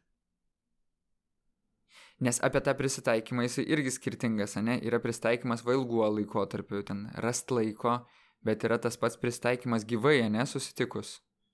Mm. Prisitaikyti prie viens kito emocijos, prisitaikyti prie temos, apie ką šnekėsim. Kiek daug čia to prisitaikymo skirtingo. Jo, bet susitikus, man atrodo, viskas paprasta visą laiką. Nu, ir nes įvyksta tas kažkoks susitikimas iš tikrųjų. O gal tame tenka daugiau man tai? Čia gali būti. Gali būti. Ir tada vat apsikeitimas prisitaikymais. Viskas? Nežinau, nebent noriu paklausti, kas man sunkus. Tai... Aš maniau, kad tas, kad reikia prisitaikyti, kai susitinkam, tai kas sunku. Ne, aš nejaučiu, kad sudėtinga prie tavęs prisitaikyti, kai susitinkame. Gal, e, e, gal tik jeigu reikėtų paklausti, kam daugiau tenka prisitaikyti, sakyčiau, kai susitinkam, sakyčiau, kad man, bet labai ne, neriškus skirtumas. Mhm. Ten, nežinau, sakyčiau, pem 5, kem 5, kad čia very close. Man atrodo, kad tiek tu labai gražiai moki prisitaikyti, tiek aš labai gražiai moku prisitaikyti. Ir kad mes prie viens kito taikomės susitikę. O tai kas sunku? sunku, kai, kai krenti į skausmo duobę ir nori, kad kriščiau kartu. Ir iš dalies aš labai suprantu tą tavo norą, bet žinok, jeigu aš esu tavo draugas, aš ne, ne, nekrisiu su tavim kartu. Kad žinai, kad aš labiau ieškosiu laiptų, virvės, kaip va tu kažkada leidaisi į tą uolą, atsimeni, ne? Mhm. Tai va ieškosiu tos, tokio va prisileisiu ir, žinai, sakysiu, let's go up. Matai šviesa va tenais. Mm. Ir iš dalies tai gali jausti, žinai, kaip kažkokia neprieimimas ir prievarta, bet man atrodo iš dalies, nu, va, tas lūkestis jis labai pavojingas yra, jau jisai nebe apie draugystę, o daugiau apie tokią savižalą. Tai va, tik šitas dalykas. Bet man atrodo vis mažiau mm, neriu į skausmą. Jo, man irgi atrodo, kad tu kažkaip savo labai aiškiai pasakai, kad ne, aš nenoriu tame, nu, tame mm. gyventi. Jo, daug smagiau. Viršui. Su draugais.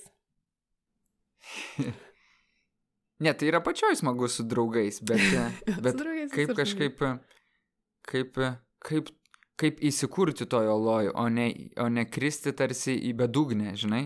Mhm. Kaip, vat, kaip jo, kaip, kaip taip turėtų olą su dugnu, su savo žydiniu, ir jaustis ten jau kaip svečiuose, o nebe toliau tą kryčio jausmą, va čia turbūt. Mm. Va tau ir draugystė. Mm. Aš gal tik tai kaip draugas noriu paklausti, ar tau netrodo kartais, kad kad aš tada per drąsiai pašneku apie kažkokius dalykus, ku, kuriuo man iš šalies atrodo kaip, kaip išvalga svarbi, kurią norėčiau pasidalinti. Ir ar nėra to jausmo, kad tada užgaunu tave, žinai, su tuo pasidalinimu? Ne, nes man atrodo, kad aš jau žinau, kad jeigu ir užgauni, kad tai nėra tavo siekis. Mm. Nu, kad tu nenori specialiai įkast, durt ir užgaut, kas gali būti su kitais žmonėm. Bet jeigu ir užgauni, ar įkandi, žinau, jog tai nėra piktybinis dalykas ir galiu pasakyti tada ir galima apie tai šnekėti.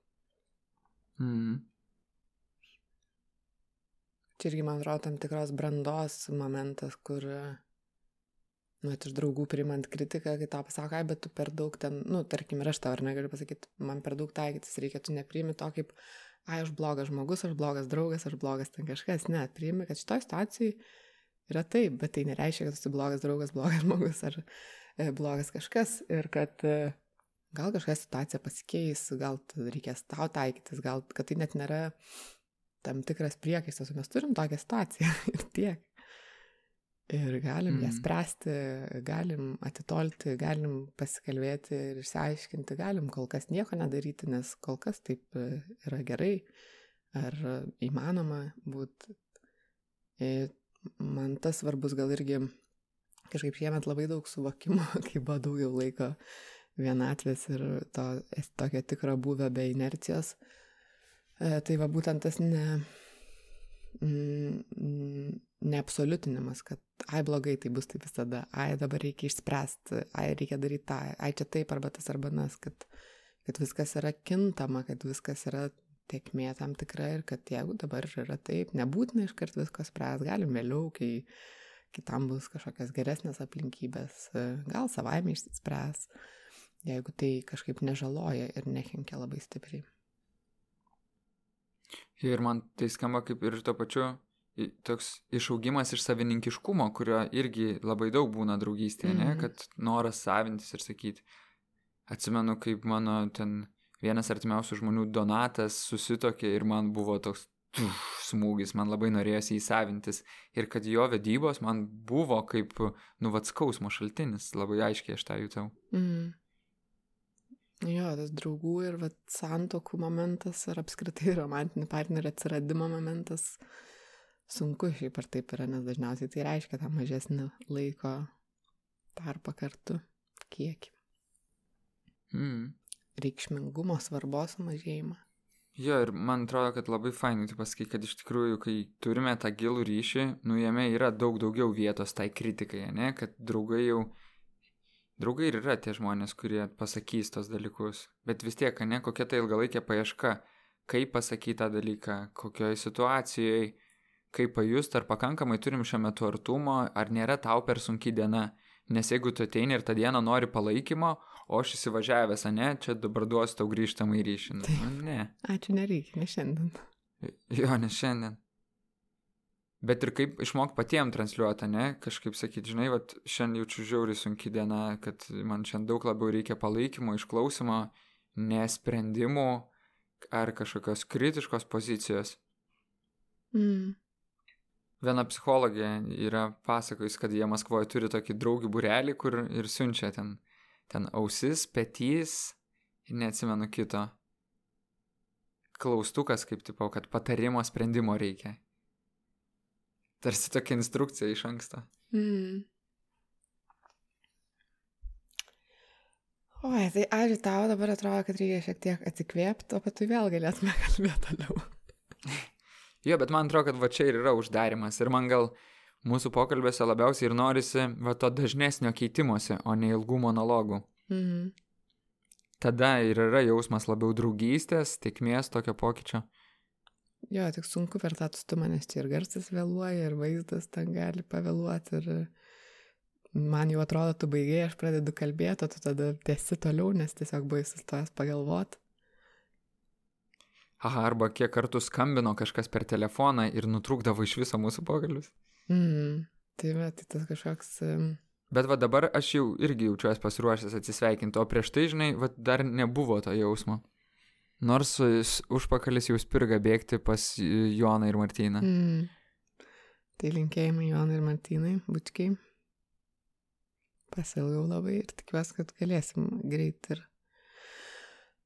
gyvai pasimatyti. Mhm. Jo, nes, žinok, va, draugystės klausimas, kurį dabar va, ir sprendžiu ir labai aiškiai pamatau, ateina draugų ir tarsi, va, aš su jais esu artimesniam, ar ne, raidos etapė natūraliai negu vienų metų vaikas. Ir aš jaučiu, kad aš su jais užsišneku, pamirštu jį ir aš matau, kaip jam pritrūksta dėmesio. Mm. Tai vad kaip būti pakankamai gerų draugų metų laiko vaikui, kuris sudėtingai dar moka ten paprašyti to dėmesio, kuris pasijūčia vienišas, pamirštas ir kažkur biški liūdi kamputė, kaip va kažkaip atsakingai rūpintis draugystėm. Mm. Gerai, ačiū labai, Bertuk. Ačiū tau.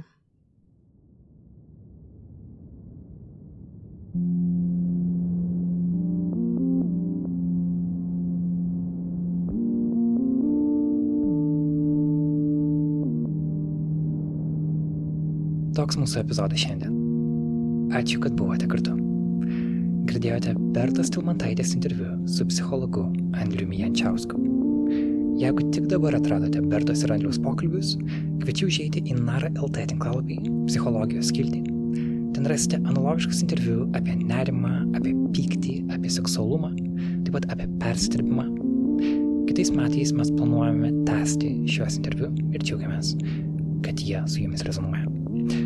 Visada laukiame jūsų reakcijų į mūsų epizodus. Pasidalinkite jomis adresu nara.nara.lt. Mes jas perskaitome, mums jos rūpi.